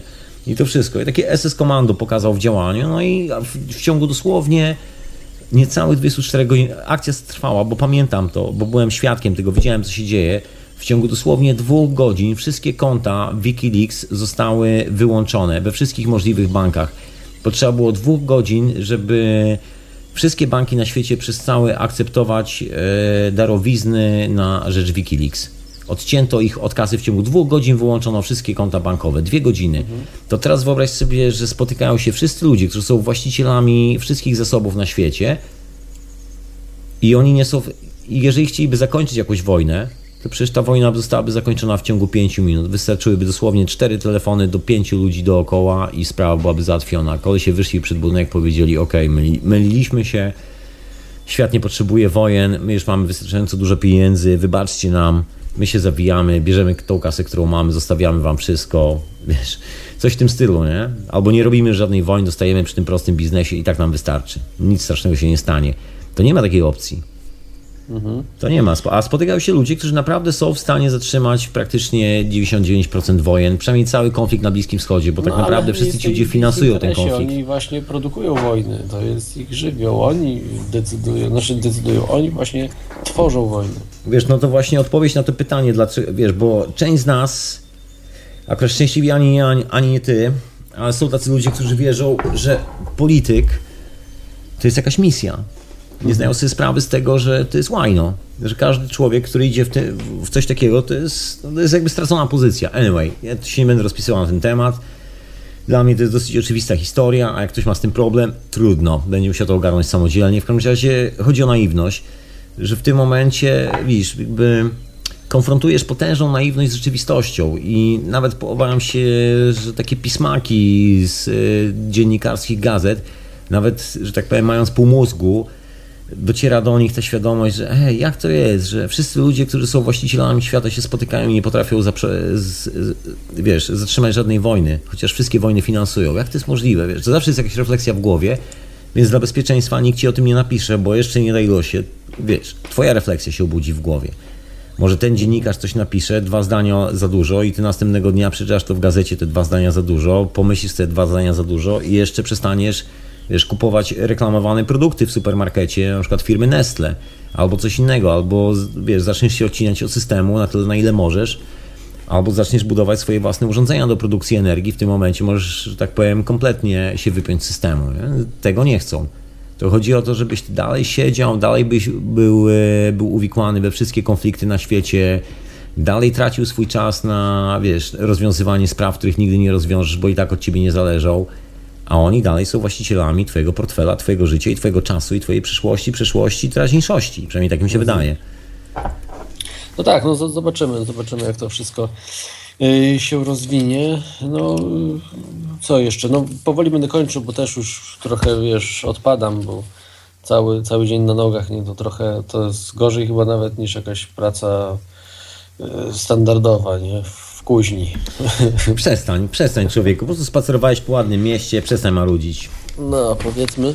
No i ganiałem trochę, bo ta, ten Petreus to szybki jest, ale akurat ja za nim nie biegałem, bo akurat miałem, udało mi się fotkę zrobić bez biegania Petreusowi, generałowi, byłemu CIA.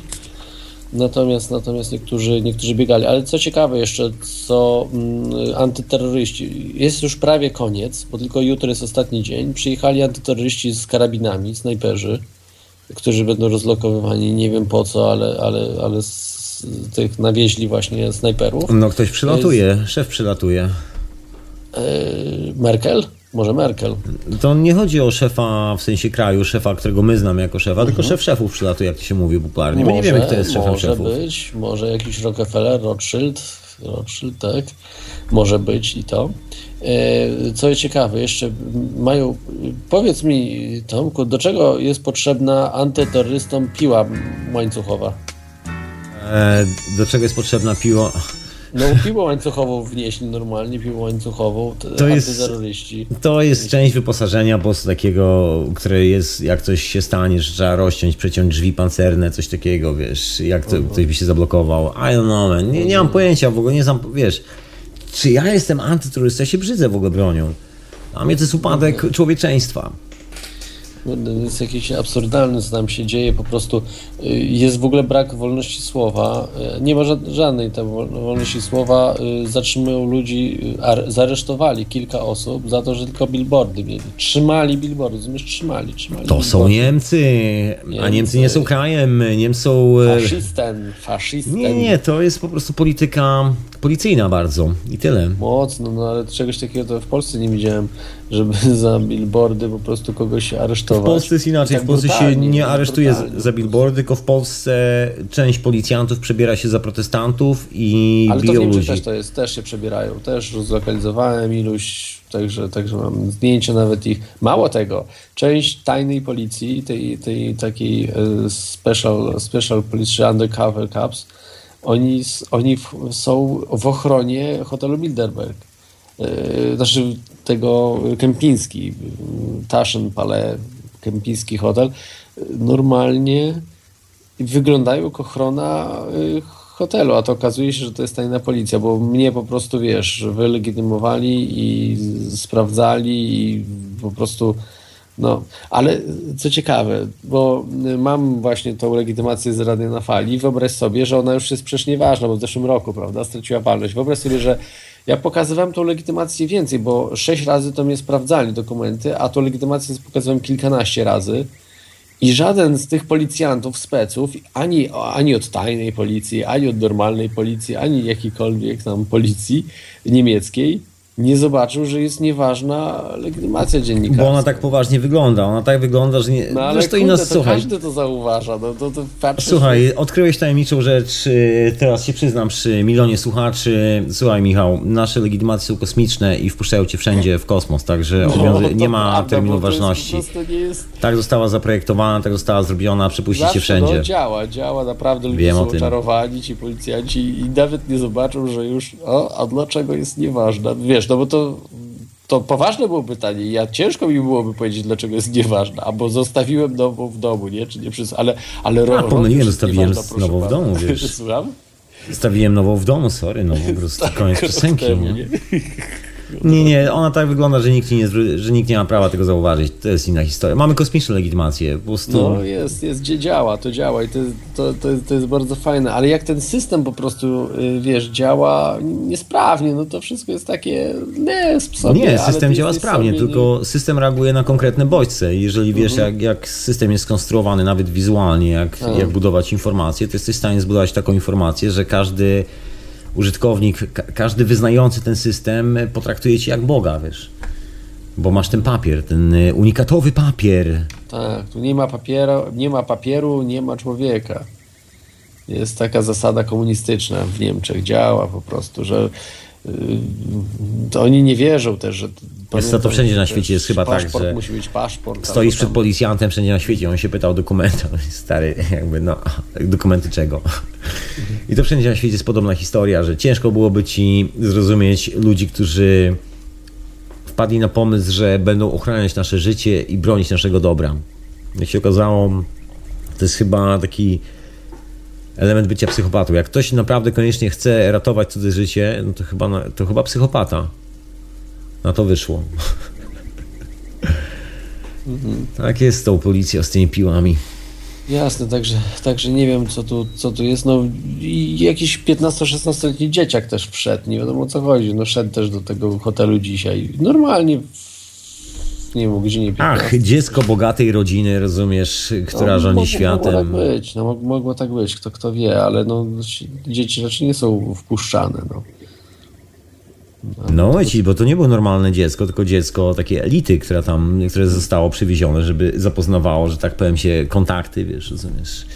No może, może no. coś być w tym. Trudno. Ja, ja nie widziałem akurat tego dzieciaka, ale widzieli y, moi znajomi, którzy, którzy po prostu nie udało im się zrobić po prostu, bo mieli y, aparaty kiepskie, jeszcze, jeszcze gorsze niż mój.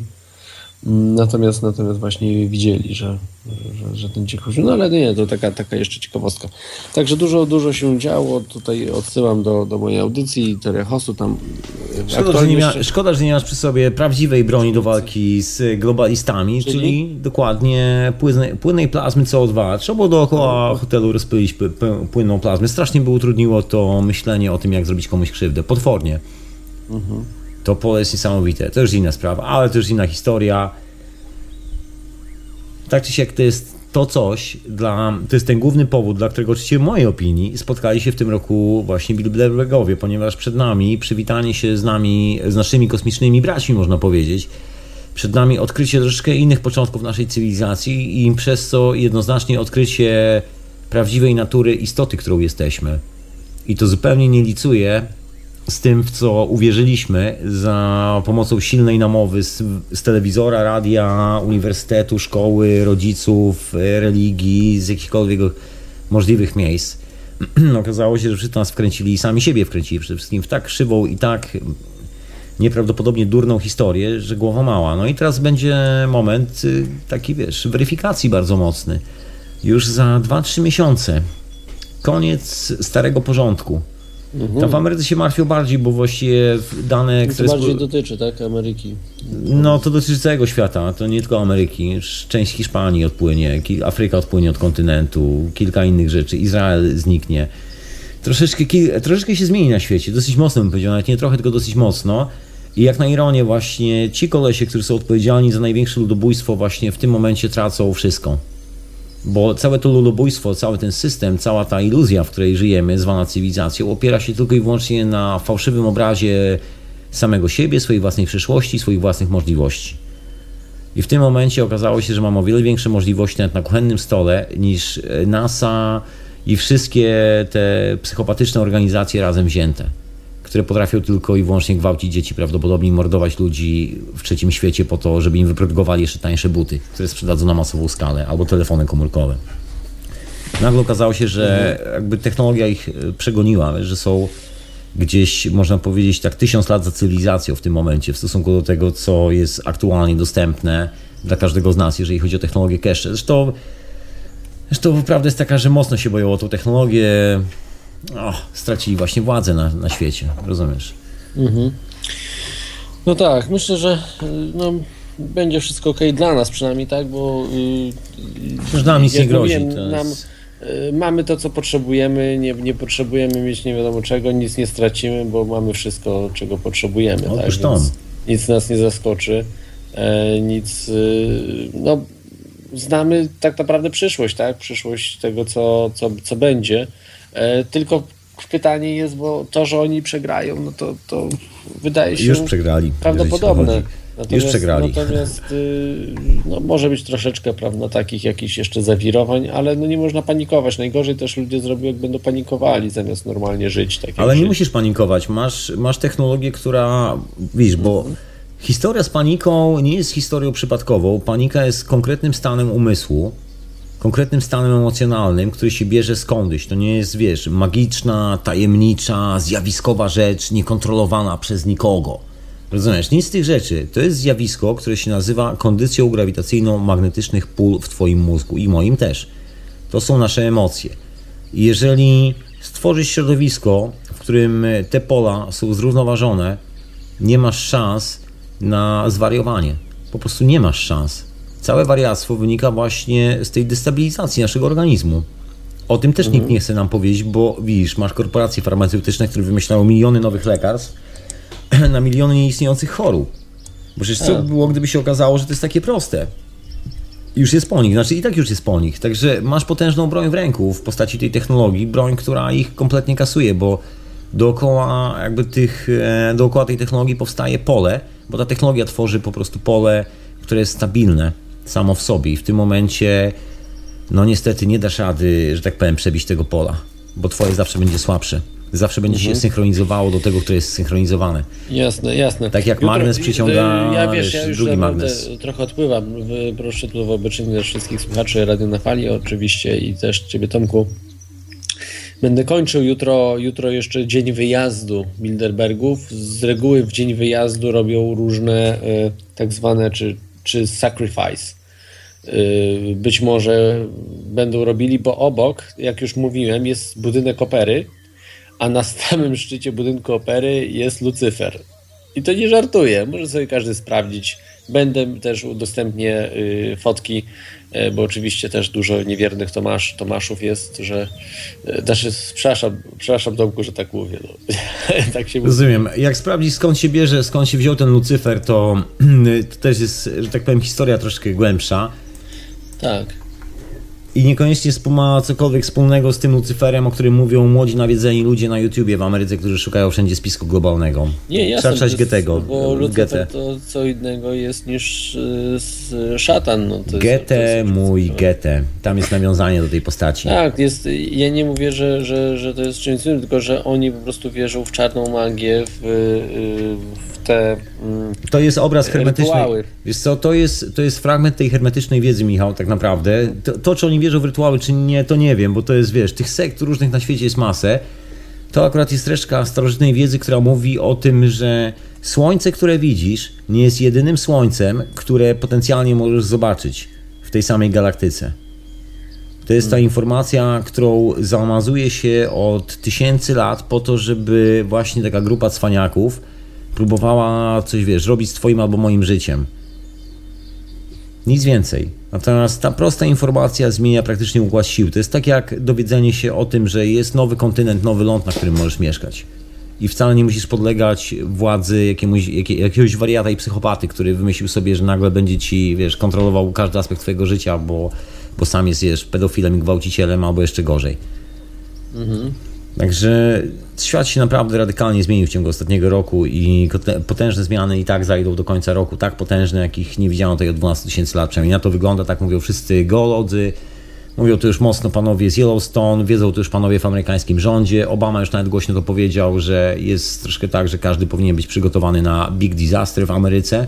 Nie mówiąc oczywiście o co chodzi. Królowa brytyjska już oficjalnie się wyrwało, że ona się stąd zawija, bo przecież kurde, to będzie big disaster, Anglia nie przeżyje takiej katastrofy i tak dalej, i tak dalej. Także widać, widać proszę pana, widać te nerwowe ruchy, widać próbę robienia jakiejś tam, wiesz, kurtyny, zasłony dymnej, takiej, żebyś ty w ogóle nie myślał o co chodzi, żebyś był zajęty polityką. Zobacz, ile kogoś nagle teraz skoczyło w politykę, ile, że tak powiem, cyngli odpalono, ile, wiesz, powstaje nowych, wiesz, inicjatyw politycznych w takich krajach właśnie typu, wiesz, gdzieś Polska, Ukraina, gdzieś takie miejsca, wiesz. Zobacz, co się dzieje. Przecież to jest znak dokładnie. To jest ustawka. To jest moje zdanie na ten temat. To jest taka jawna ustawka. Nie wszyscy, którzy uczestniczą w tej ustawce, są świadomi, tej, że uczestniczą w ustawce. To już jest inna historia.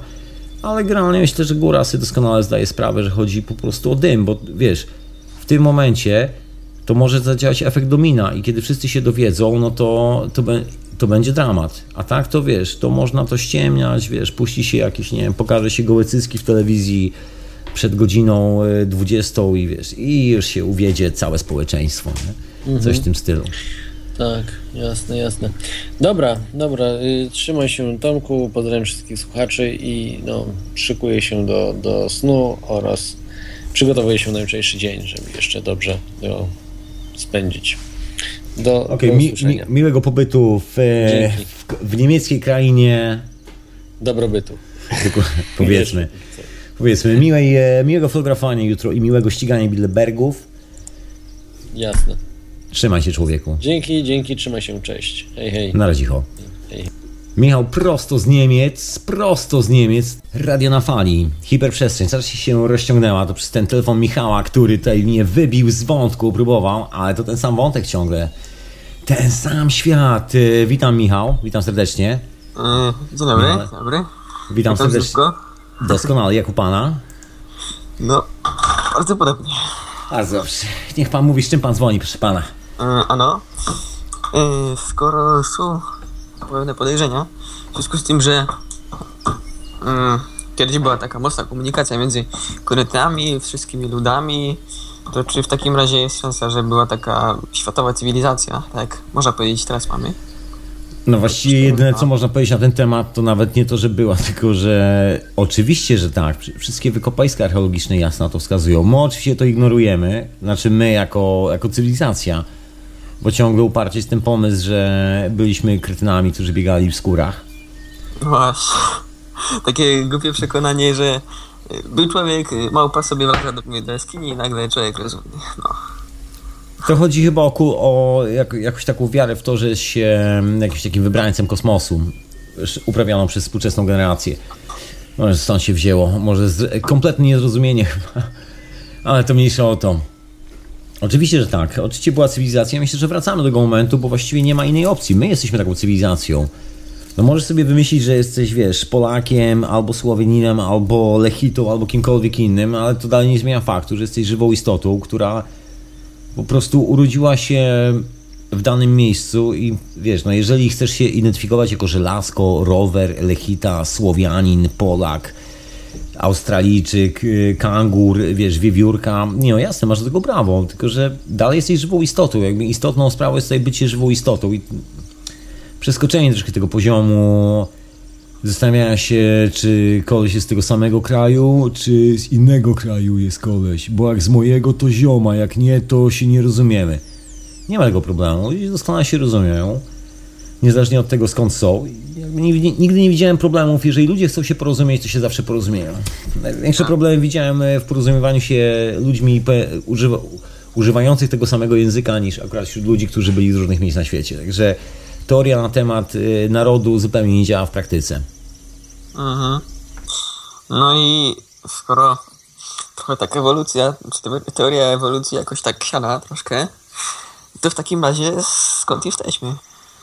A, proszę pana, jest teraz taka ciekawa historia na świecie, mianowicie takie ciekawe badania DNA robiono, żebym sobie przypomniał, żebym sobie przypomniał, zdaje się Zaczęło się od, od Jamesa Watsona i Cricka i historii z odkryciem molekuły DNA, czyli informacji DNA i pierwszej sekwencji to była G, A, T i C. To, była ta podwój, to jest ta podwójna heliksa DNA. Później w latach 80., wiesz, kiedy badano te wszystkie, zauważono, że to DNA się troszkę inaczej zawija. I tam troszkę to tak odrzucono, okej, okay, niby coś, to się wystaje z boku, nie wiadomo co. No i się nagle okazało, że DNA ja nie mówię tu o mitochondrialnym DNA, tym najstarszym, tylko mówię o tym normalnym DNA, tej podstawowej sekwencji G, A, T, na przykład C. Ta sekwencja wygląda tak, że właściwie hmm, jest drugi, druga warstwa informacji zakodowana na naszych komórkach DNA. Do tej pory myśleliśmy, że to jest tylko jedna warstwa informacji, helixa, a teraz się okazuje, że właściwie jest, jest jakby, że te molekuły są takie zawinięte, że tam wewnątrz jest jeszcze dokładnie dodatkowa informacja, która jest schowana. Czyli właściwie jest, nazwano to y, druga warstwa informacji DNA. I zostało to udowodnione. To jest już udowodnione normalnie, wiesz, pod mikroskopem, zbadane i stwierdzone. Tak, faktycznie jest druga warstwa informacji. Była publikacja w PLOS One, tak się nazywa. To jest takie czasopismo naukowe. No generalnie taka tłusta sprawa, można powiedzieć. Hmm. Czyli jakby ta podwójna druga informacja to o czym może świadczyć. No właśnie, no właśnie, to teraz wiesz, wszystkie te teorie na temat skąd się wzięliśmy i tak dalej, i tak dalej, to tak troszeczkę należy sobie zadać pytanie, skąd się wziął, na jakiej podstawie w ogóle wymyśliliśmy tą całą historię, którą uznaliśmy za oficjalną. I nagle bardzo szybko się okazuje, że nie było żadnych podstaw ku temu a jedyne podstawy, które mamy, jakby jedyne potwierdzone eksperymentalnie, kompletnie wywracają to do góry nogami i twierdzą, że nic takiego nie miało nigdy miejsca. Przynajmniej jeżeli chodzi o porównanie tych oficjalnych teorii na temat na przykład ewolucji i historii związanej z rzeczywistym funkcjonowaniem naszego DNA. Nie ma śladu ewolucji w naszym DNA, ani grama. Hmm. My w ogóle używamy słowa ewolucja czasami do, w odniesieniu do troszkę innego kontekstu, ale chodzi o ewolucję biologiczną, o ewolucję dokładnie w znaczeniu słowa Darwina. Czyli, że jeżeli masz organizm, który, który po prostu jest, to jego ewolucja polega na tym, że usuwa wszystkie zbędne elementy i teraz po usunięciu po usunięciu wszystkich zbędnych elementów staje się zupełnie innym organizmem. To się okazuje, że właściwie wygląda to zupełnie inaczej. Te elementy zostają, tylko my aktywujemy albo dezaktywujemy info, informacje z biblioteki, którą posiadamy. I to też numer polega na tym, że to nie my posiadamy tą bibliotekę, tylko ona się manifestuje w nas. Praktycznie można powiedzieć, że DNA jest tylko lustrzanym odbiciem w biologii informacji, która jest kompletnie niewidoczna, przynajmniej z naszego aktualnego punktu widzenia to jest coś, co nazywamy popularnie polem oddziaływania, a nie materią. To się dzieje w polu i dopiero taka drobna molekuła o nazwie DNA jest w stanie szczytać tę informację przez swoją specyficzną strukturę i szczytuje jakąś koszmarną ilość informacji i my ją posiadamy i sobie czasami włączamy przez parę pokoleń, a czasami wyłączamy. Tak jak na przykład informacje o tym, czy jeść mięso, czy w ogóle coś jeść, czy odżywiać się przysłowiową praną, czy pić alkohole, czy nie pić alkoholi i tak dalej, i tak dalej. To są wszystko jakby sprawy związane też właśnie z włączaniem, włączaniem pewnych sekwencji DNA w naszym e, organizmie fizycznie i w kolejnym pokoleniu, które po nas nastąpi, korzystających z naszych genów. Czyli to jakby dolna warstwa DNA, o której mówisz, to są to jakby te nieaktywowane rzeczy. Wiesz co, nikt nie wie co to jest, bo z DNA jest tak, że, że widzisz DNA, no i widzisz te sekwencje DNA. No i widzisz, że one są różne. No więc ta, która zaczyna się od grubego paska, później są dwa cienkie paski, później są dwa grube i jeszcze jeden cienki, no to tą nazwiesz na przykład nazwaną G. Jak na przykład y, zaczyna się od trzech cienkich pasków, później są dwa grube, dwa cienkie i jeszcze jeden gruby, to na przykład nazwano to grupą T. Kolejną, która wygląda inaczej, nazwano, wiesz, inną literką. I ciężko to traktować w taki sposób, wiesz, jaki nam się wydaje, że to jest zbadane, bo w rzeczywistości to nie jest zbadane, bo przynajmniej oficjalnie nie ma czegoś takiego, że, żebyś miał możliwość oglądnięcia ludzkiego DNA pod mikroskopem. Aktywnego.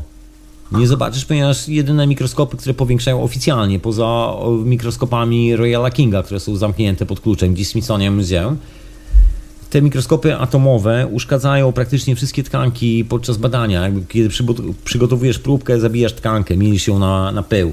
Także poza tym, że zobaczysz, jak ona wyglądała przed śmiercią, to właściwie nic więcej się nie dowiesz. Także nie wiesz, jak ona Co wyglądała. bardzo wiadomo, jak to się, nie wiadomo, w jaki sposób się nie ma się tych mikroskopów owych.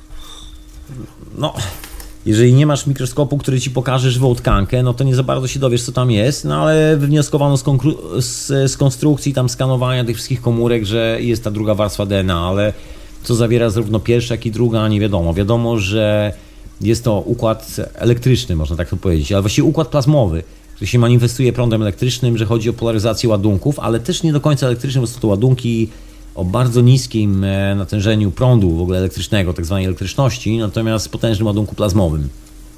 Mhm.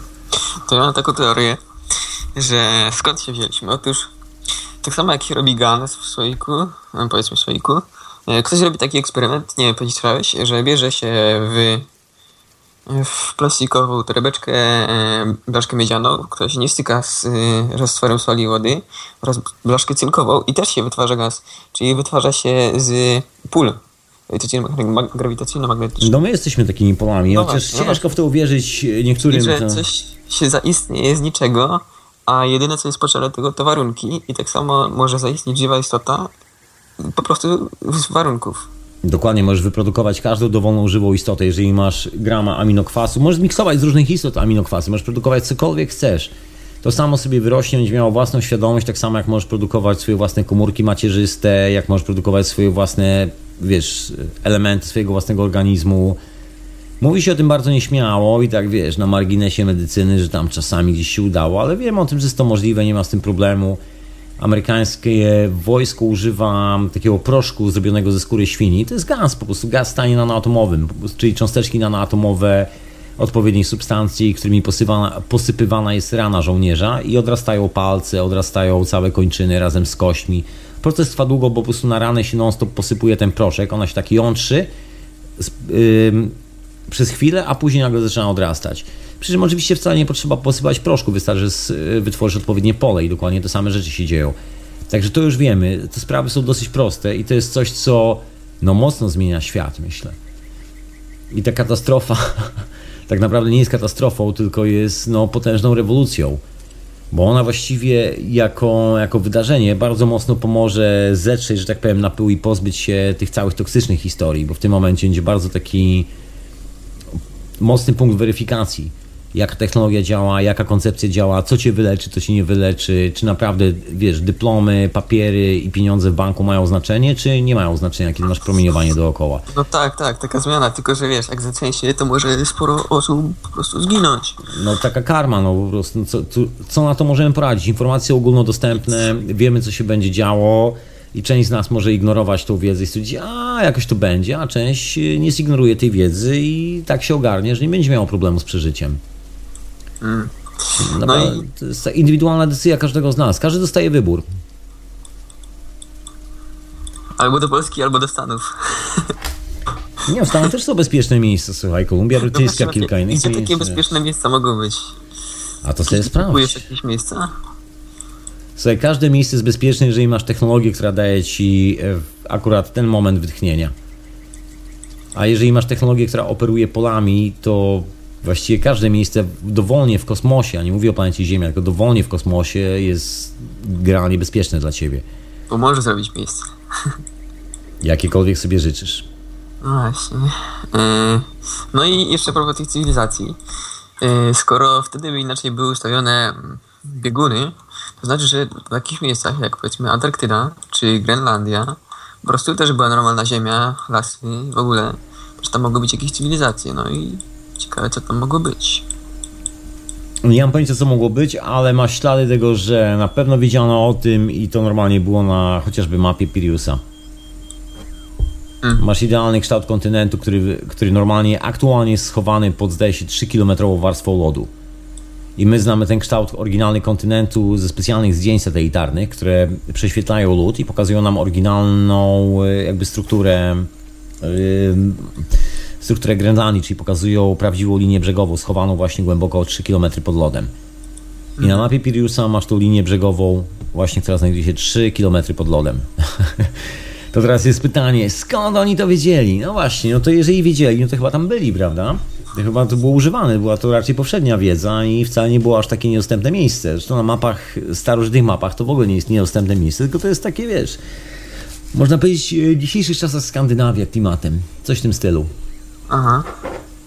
Wiesz, to Okej. słuchaj, sami się przekonamy, bo naprawdę pamiętajmy o tym, że przez ostatnie co najmniej 2000 lat próbowano wymazać całą historię, całą naszą historię do zera. Próbowano zrobić z nas niewolników wierzących w jakieś bóstwo, w, czy to bóstwo z Watykanu i książki, która się nazywa Biblia, czy z książki, która się nazywa Tora, czy z podznaku Półksiężyca, czy jakichkolwiek innych wynalazków. Ciągle ktoś próbował zrobić z nas niewolnika, opowiadając bajki o tym, że, że mamy służyć jakiejś niewidocznej kosmicznej sile i on jest przedstawicielem tej kosmicznej siły. Tylko zapomniał jak powiedzieć, że to my jesteśmy tą każdy z nas jest tą kosmiczną siłą i jedyne prawo jakie mamy to służyć jakby swojej własnej sprawie i żywym istotom, wszystkim, niezależnie od tego kto skąd jest. Po prostu funkcjonujemy ze sobą na jednej i tej samej płaszczyźnie, ale zapomniano nam o tym powiedzieć. Zapomniano powiedzieć o drugim układzie słonecznym, o tym, że takie rzeczy są normalne. Zapomniano o wielu rzeczach powiedzieć. No i teraz mamy taką sytuację, że widzimy takie nerwowe ruchy, taką panikę we władzy, no bo za chwilę jak się posunie, posunie troszeczkę, przysunie parę kontynentów, kilka miejsc, to się okaże, jak dużo władza zrobiła, jak, dużo, jak władza przygotowała wszystkich na tą okoliczność. Bo taka jest definicja rządu, że rząd służy do sytuacji kryzysowych, po to mamy liderów. No i będzie taka pobudka, myślę, bardzo zdrowa pobudka dla wielu z nas. Nagle zrozumiemy, że ten cały pomysł z liderami, wiesz, mentorami, cały ten bullshit, to była ściema. I że czegoś takiego nie ma. I dopóki ty sam nie ogarniesz swojego pola dookoła siebie, to nikt za ciebie tego nie zrobi. I to będzie taka mocna pobudka dla bardzo wielu ludzi. Myślę, taka zdrowa pobudka, bo po tej pobudce już nie będzie tych złudzeń, że ktoś zrobi za nas lepiej kupę, ktoś zrobi za nas lepiej siku, ktoś za nas się lepiej naje, a my musimy tylko pracować w nieskończoność, a on się jeszcze za nas jeszcze wyśpi dodatkowo. No właśnie. I tak, tak jeszcze patrząc, to z Nową Zelandią może być jeszcze cienko. Bo znaczy, tak sobie sam ostatnio spostrzegam, w ciągu jakiegoś miesiąca, jak oglądam te, y, te dane wszystkie, no to no stop, co się tam dzieje? Już prawie wulkan wybuchł. Nie, tam są aktywne wulkany, no ale to mniejsze o to, to każdy może sobie sprawdzić, to wiesz, to ciężko nam, żebyśmy w tym momencie prognozowali każde miejsce na świecie, bo jak wiesz, otworzymy teraz atlas geograficzny i przelecimy wszystkie połączenia płyt tektonicznych, tak możemy przez kolejny miesiąc siedzieć się zastanawiać, które miejsce szybciej, które miejsce wolniej. Wiem, że są typowane praktycznie, no w sumie dwa miejsca na, na to, gdzie się zacznie, ale to i tak nie jest istotne, no. Kalifornia jest jednym z tych miejsc. Jakby to nas interesuje najbardziej, bo tam jest wielki, wielkie, że tak powiem, ześci dookoła Pacyfiku. Także to wszystko, ale i tak nic z tym nie możemy zrobić. To nie jest tak, że, że ta wiedza coś zmieni. Poza tym, że masz tylko tyle, ile masz w tym momencie. Akurat szczęśliwie mamy technologię, która pozwala ogarnąć takie tematy, także kwestia tylko skorzystania. Tej technologii boi się strasznie władza, bo ta technologia no, ma to, to do siebie, że no, czynicie wolnym. I czynicie wolnym w pełnym zakresie, nie tylko wolnym od katastrofy globalnej, od wybuchu wulkanu, tylko jeżeli czyni się od wybuchu wulkanu wolnym człowiekiem, no to automatycznie czyni się wolnym od jakiegokolwiek polityka, bo przecież jaki polityk, jaki, jaki władca na świecie jest w stanie ci zapewnić przetrwanie, kiedy wulkan wybuchnie w twojej okolicy? Żaden. Przecież to jest iluzja. To jest taki dowcip, który, który chyba kiedyś był dowcipem, a pewnego dnia zaczęliśmy brać to serio i uwierzyliśmy, że ci ludzie mogą coś zrobić dla nas, chociaż ci ludzie potrafią jeszcze mniej niż my. I chyba, na tym, I chyba na tym się właśnie skończy dokładnie, na takim wielkim przebudzeniu, że nagle się okaże, że wiesz, sprawy się posypią, ludzi pójdzie troszeczkę, do, przejdzie do innego wymiaru i opadnie kurz i się okaże, że politycy już nie mają gdzie uciekać i się okaże, że jedyne co zrobili to kradli pieniądze i mordowali ludzi i gwałcili dzieci, rozumiesz, że robili same złe rzeczy. Bardzo szybko się okaże co robili, bo to bardzo szybko wypłynie i wtedy będą mieli swoje problemy. Ale to już nie jest moja sprawa, już nie chcę się nad tym zajmować, bo my tu mamy, myślę, doskonałą przyszłość przed nami. Szczęśliwie jest to pewne wyzwolenie i to takie bardzo mocne wyzwolenie od tego kieratu, to co się, że tak powiem, szykuje, bo świat już nigdy nie będzie taki sam. A no jeszcze z tym, że e, jest ta, no przynajmniej się tak mówi, ale no, może to ma mieć sens, ta druga planeta bliźniacza Ziemi, na której E, też mają być, jak mówisz, ludzie albo przynajmniej podobne istoty. E, no i czy oni też mogli mieć takie problemy, że z takimi rządami, wiesz, patologicznymi, jak tutaj też mamy. No nie wiem skąd taki pomysł się bierze. No bo e, czy bliźniacze, prawda? No to czy to, wiesz, chodzi synchronicznie, jak z nami się w ten sam sposób układa, tak jak teraz na przykład jest, mamy bardziej te skłonności grawitacyjne niż magnetyczne. No i wiesz, to parcie na pieniądze, rządy, te wszystkie. Zadaję sobie pytanie, kto odwiedza kogo? No właśnie. właśnie. Czy to ty odwiedzasz, czy to, czy to ty odwiedzasz kogoś, czy to ktoś odwiedza ciebie na Może etapie, na którym jesteś? w jedną stronę obydwaj. Nie za bardzo tego świadomi. Znaczy, no nie wiem, nie wiem jak z twoją świadomością, ale przyjrzyj się uważnie. No, kto, kto, kto cię, myśli kto, kto, kto ciebie odwiedza i kogo ty odwiedzasz i jak daleko ty od, odwiedzasz kogoś. Zobacz, kto jaką ma technologię. Czy je, kto zabiera satelity wojskowe. Kto potrafi zabrać, unieszkodliwić ładunki nuklearne. Kto potrafi zrobić kilka innych rzeczy. Dlaczego do tej pory żadna wyprawa załogowa nie była w stanie w ogóle wylecieć, wiesz, poza pas Van Allena praktycznie? Dlaczego nawet ten. E, dlaczego praktycznie nie potrafimy nic wysłać poza granice naszego kosmosu? naszego układu słonecznego. Została wysłana sonda e, Voyager 2, tak się, tak się nazywała, tak? Ta z tą złotą tablicą. Okej. Okay. I co się dzieje dalej z tą sondą? Sprawdź. Jakś stanęła w miejscu, nie chce wlecieć z naszego układu w ogóle. Zobacz, co się w ogóle dzieje dookoła. Przecież granica naszego układu słonecznego jest bardzo specyficzna. No i właśnie, ciekawe, czy się podzielą technologią, się albo gra... może, czy, może my z nimi. Nazywa się granicą Kolumba, Kolum... czy jakoś tak. To jest ten moment, gdzie się wszystko rozsypuje na kawałki, zmieniają się warunki grawitacyjno-magnetyczne. Absolutnie. Zmienia się w ogóle kondycja całego kosmosu i tak dalej.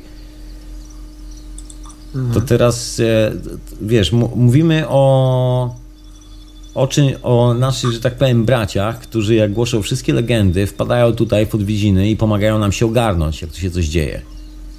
I to oni przylatują tutaj. My jeszcze nie latamy do nich tak swobodnie. Za chwilę będziemy, ale jeszcze, jeszcze chwila, moment. Oni już swój bałagan ogarnęli. Oni swój bałagan już dawno ogarnęli. To, to jest problem naszego bałaganu tu, dokładnie w tym wymiarze, na Ziemi, w tej formie i tak dalej. To nie jest to nie jest rzecz, która dotyczy w sensie, jakby wiesz, szaleństwa całego kosmosu.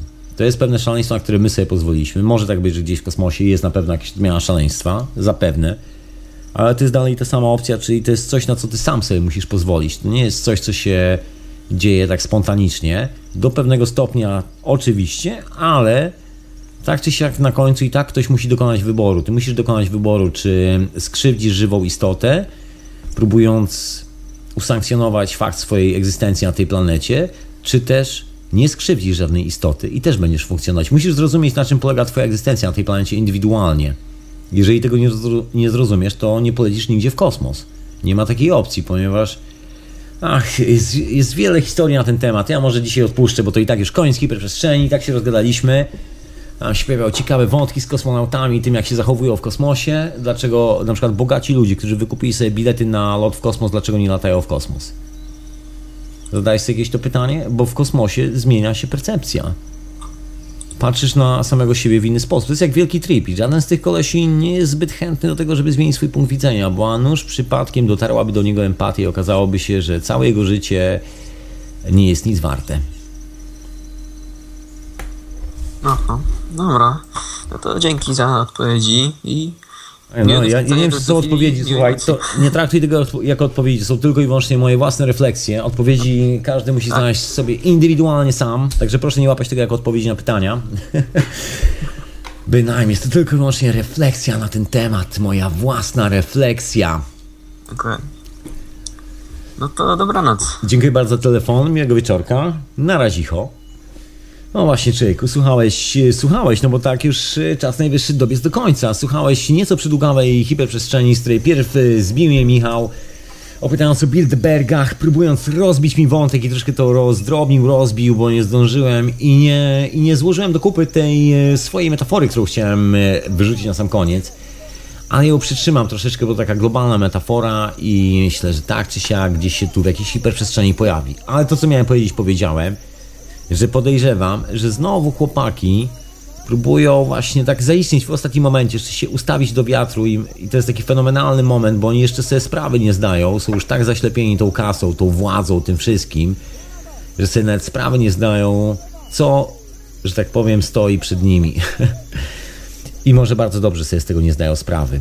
I niech będzie tak, jak jest. Myślę, że my się i tak pozbieramy. Szczęśliwie świat się mocno zmienił od czasów Nikoli Tesli, także jest już zupełnie inaczej. Na stole w kuchni też można sobie, że tak powiem, zorganizować wszystkie rzeczy, które są potrzebne, także nie jest źle. Ale anyway, to zostawiam na dzisiejszy wieczór. Tak czy siak zapraszam Cię do radia na fali, żebyś tu wpadł człowieku i posłuchał sobie różnych podcastów. Archiwum już właściwie, już chyba w tym momencie jest e, w pełni na chodzie.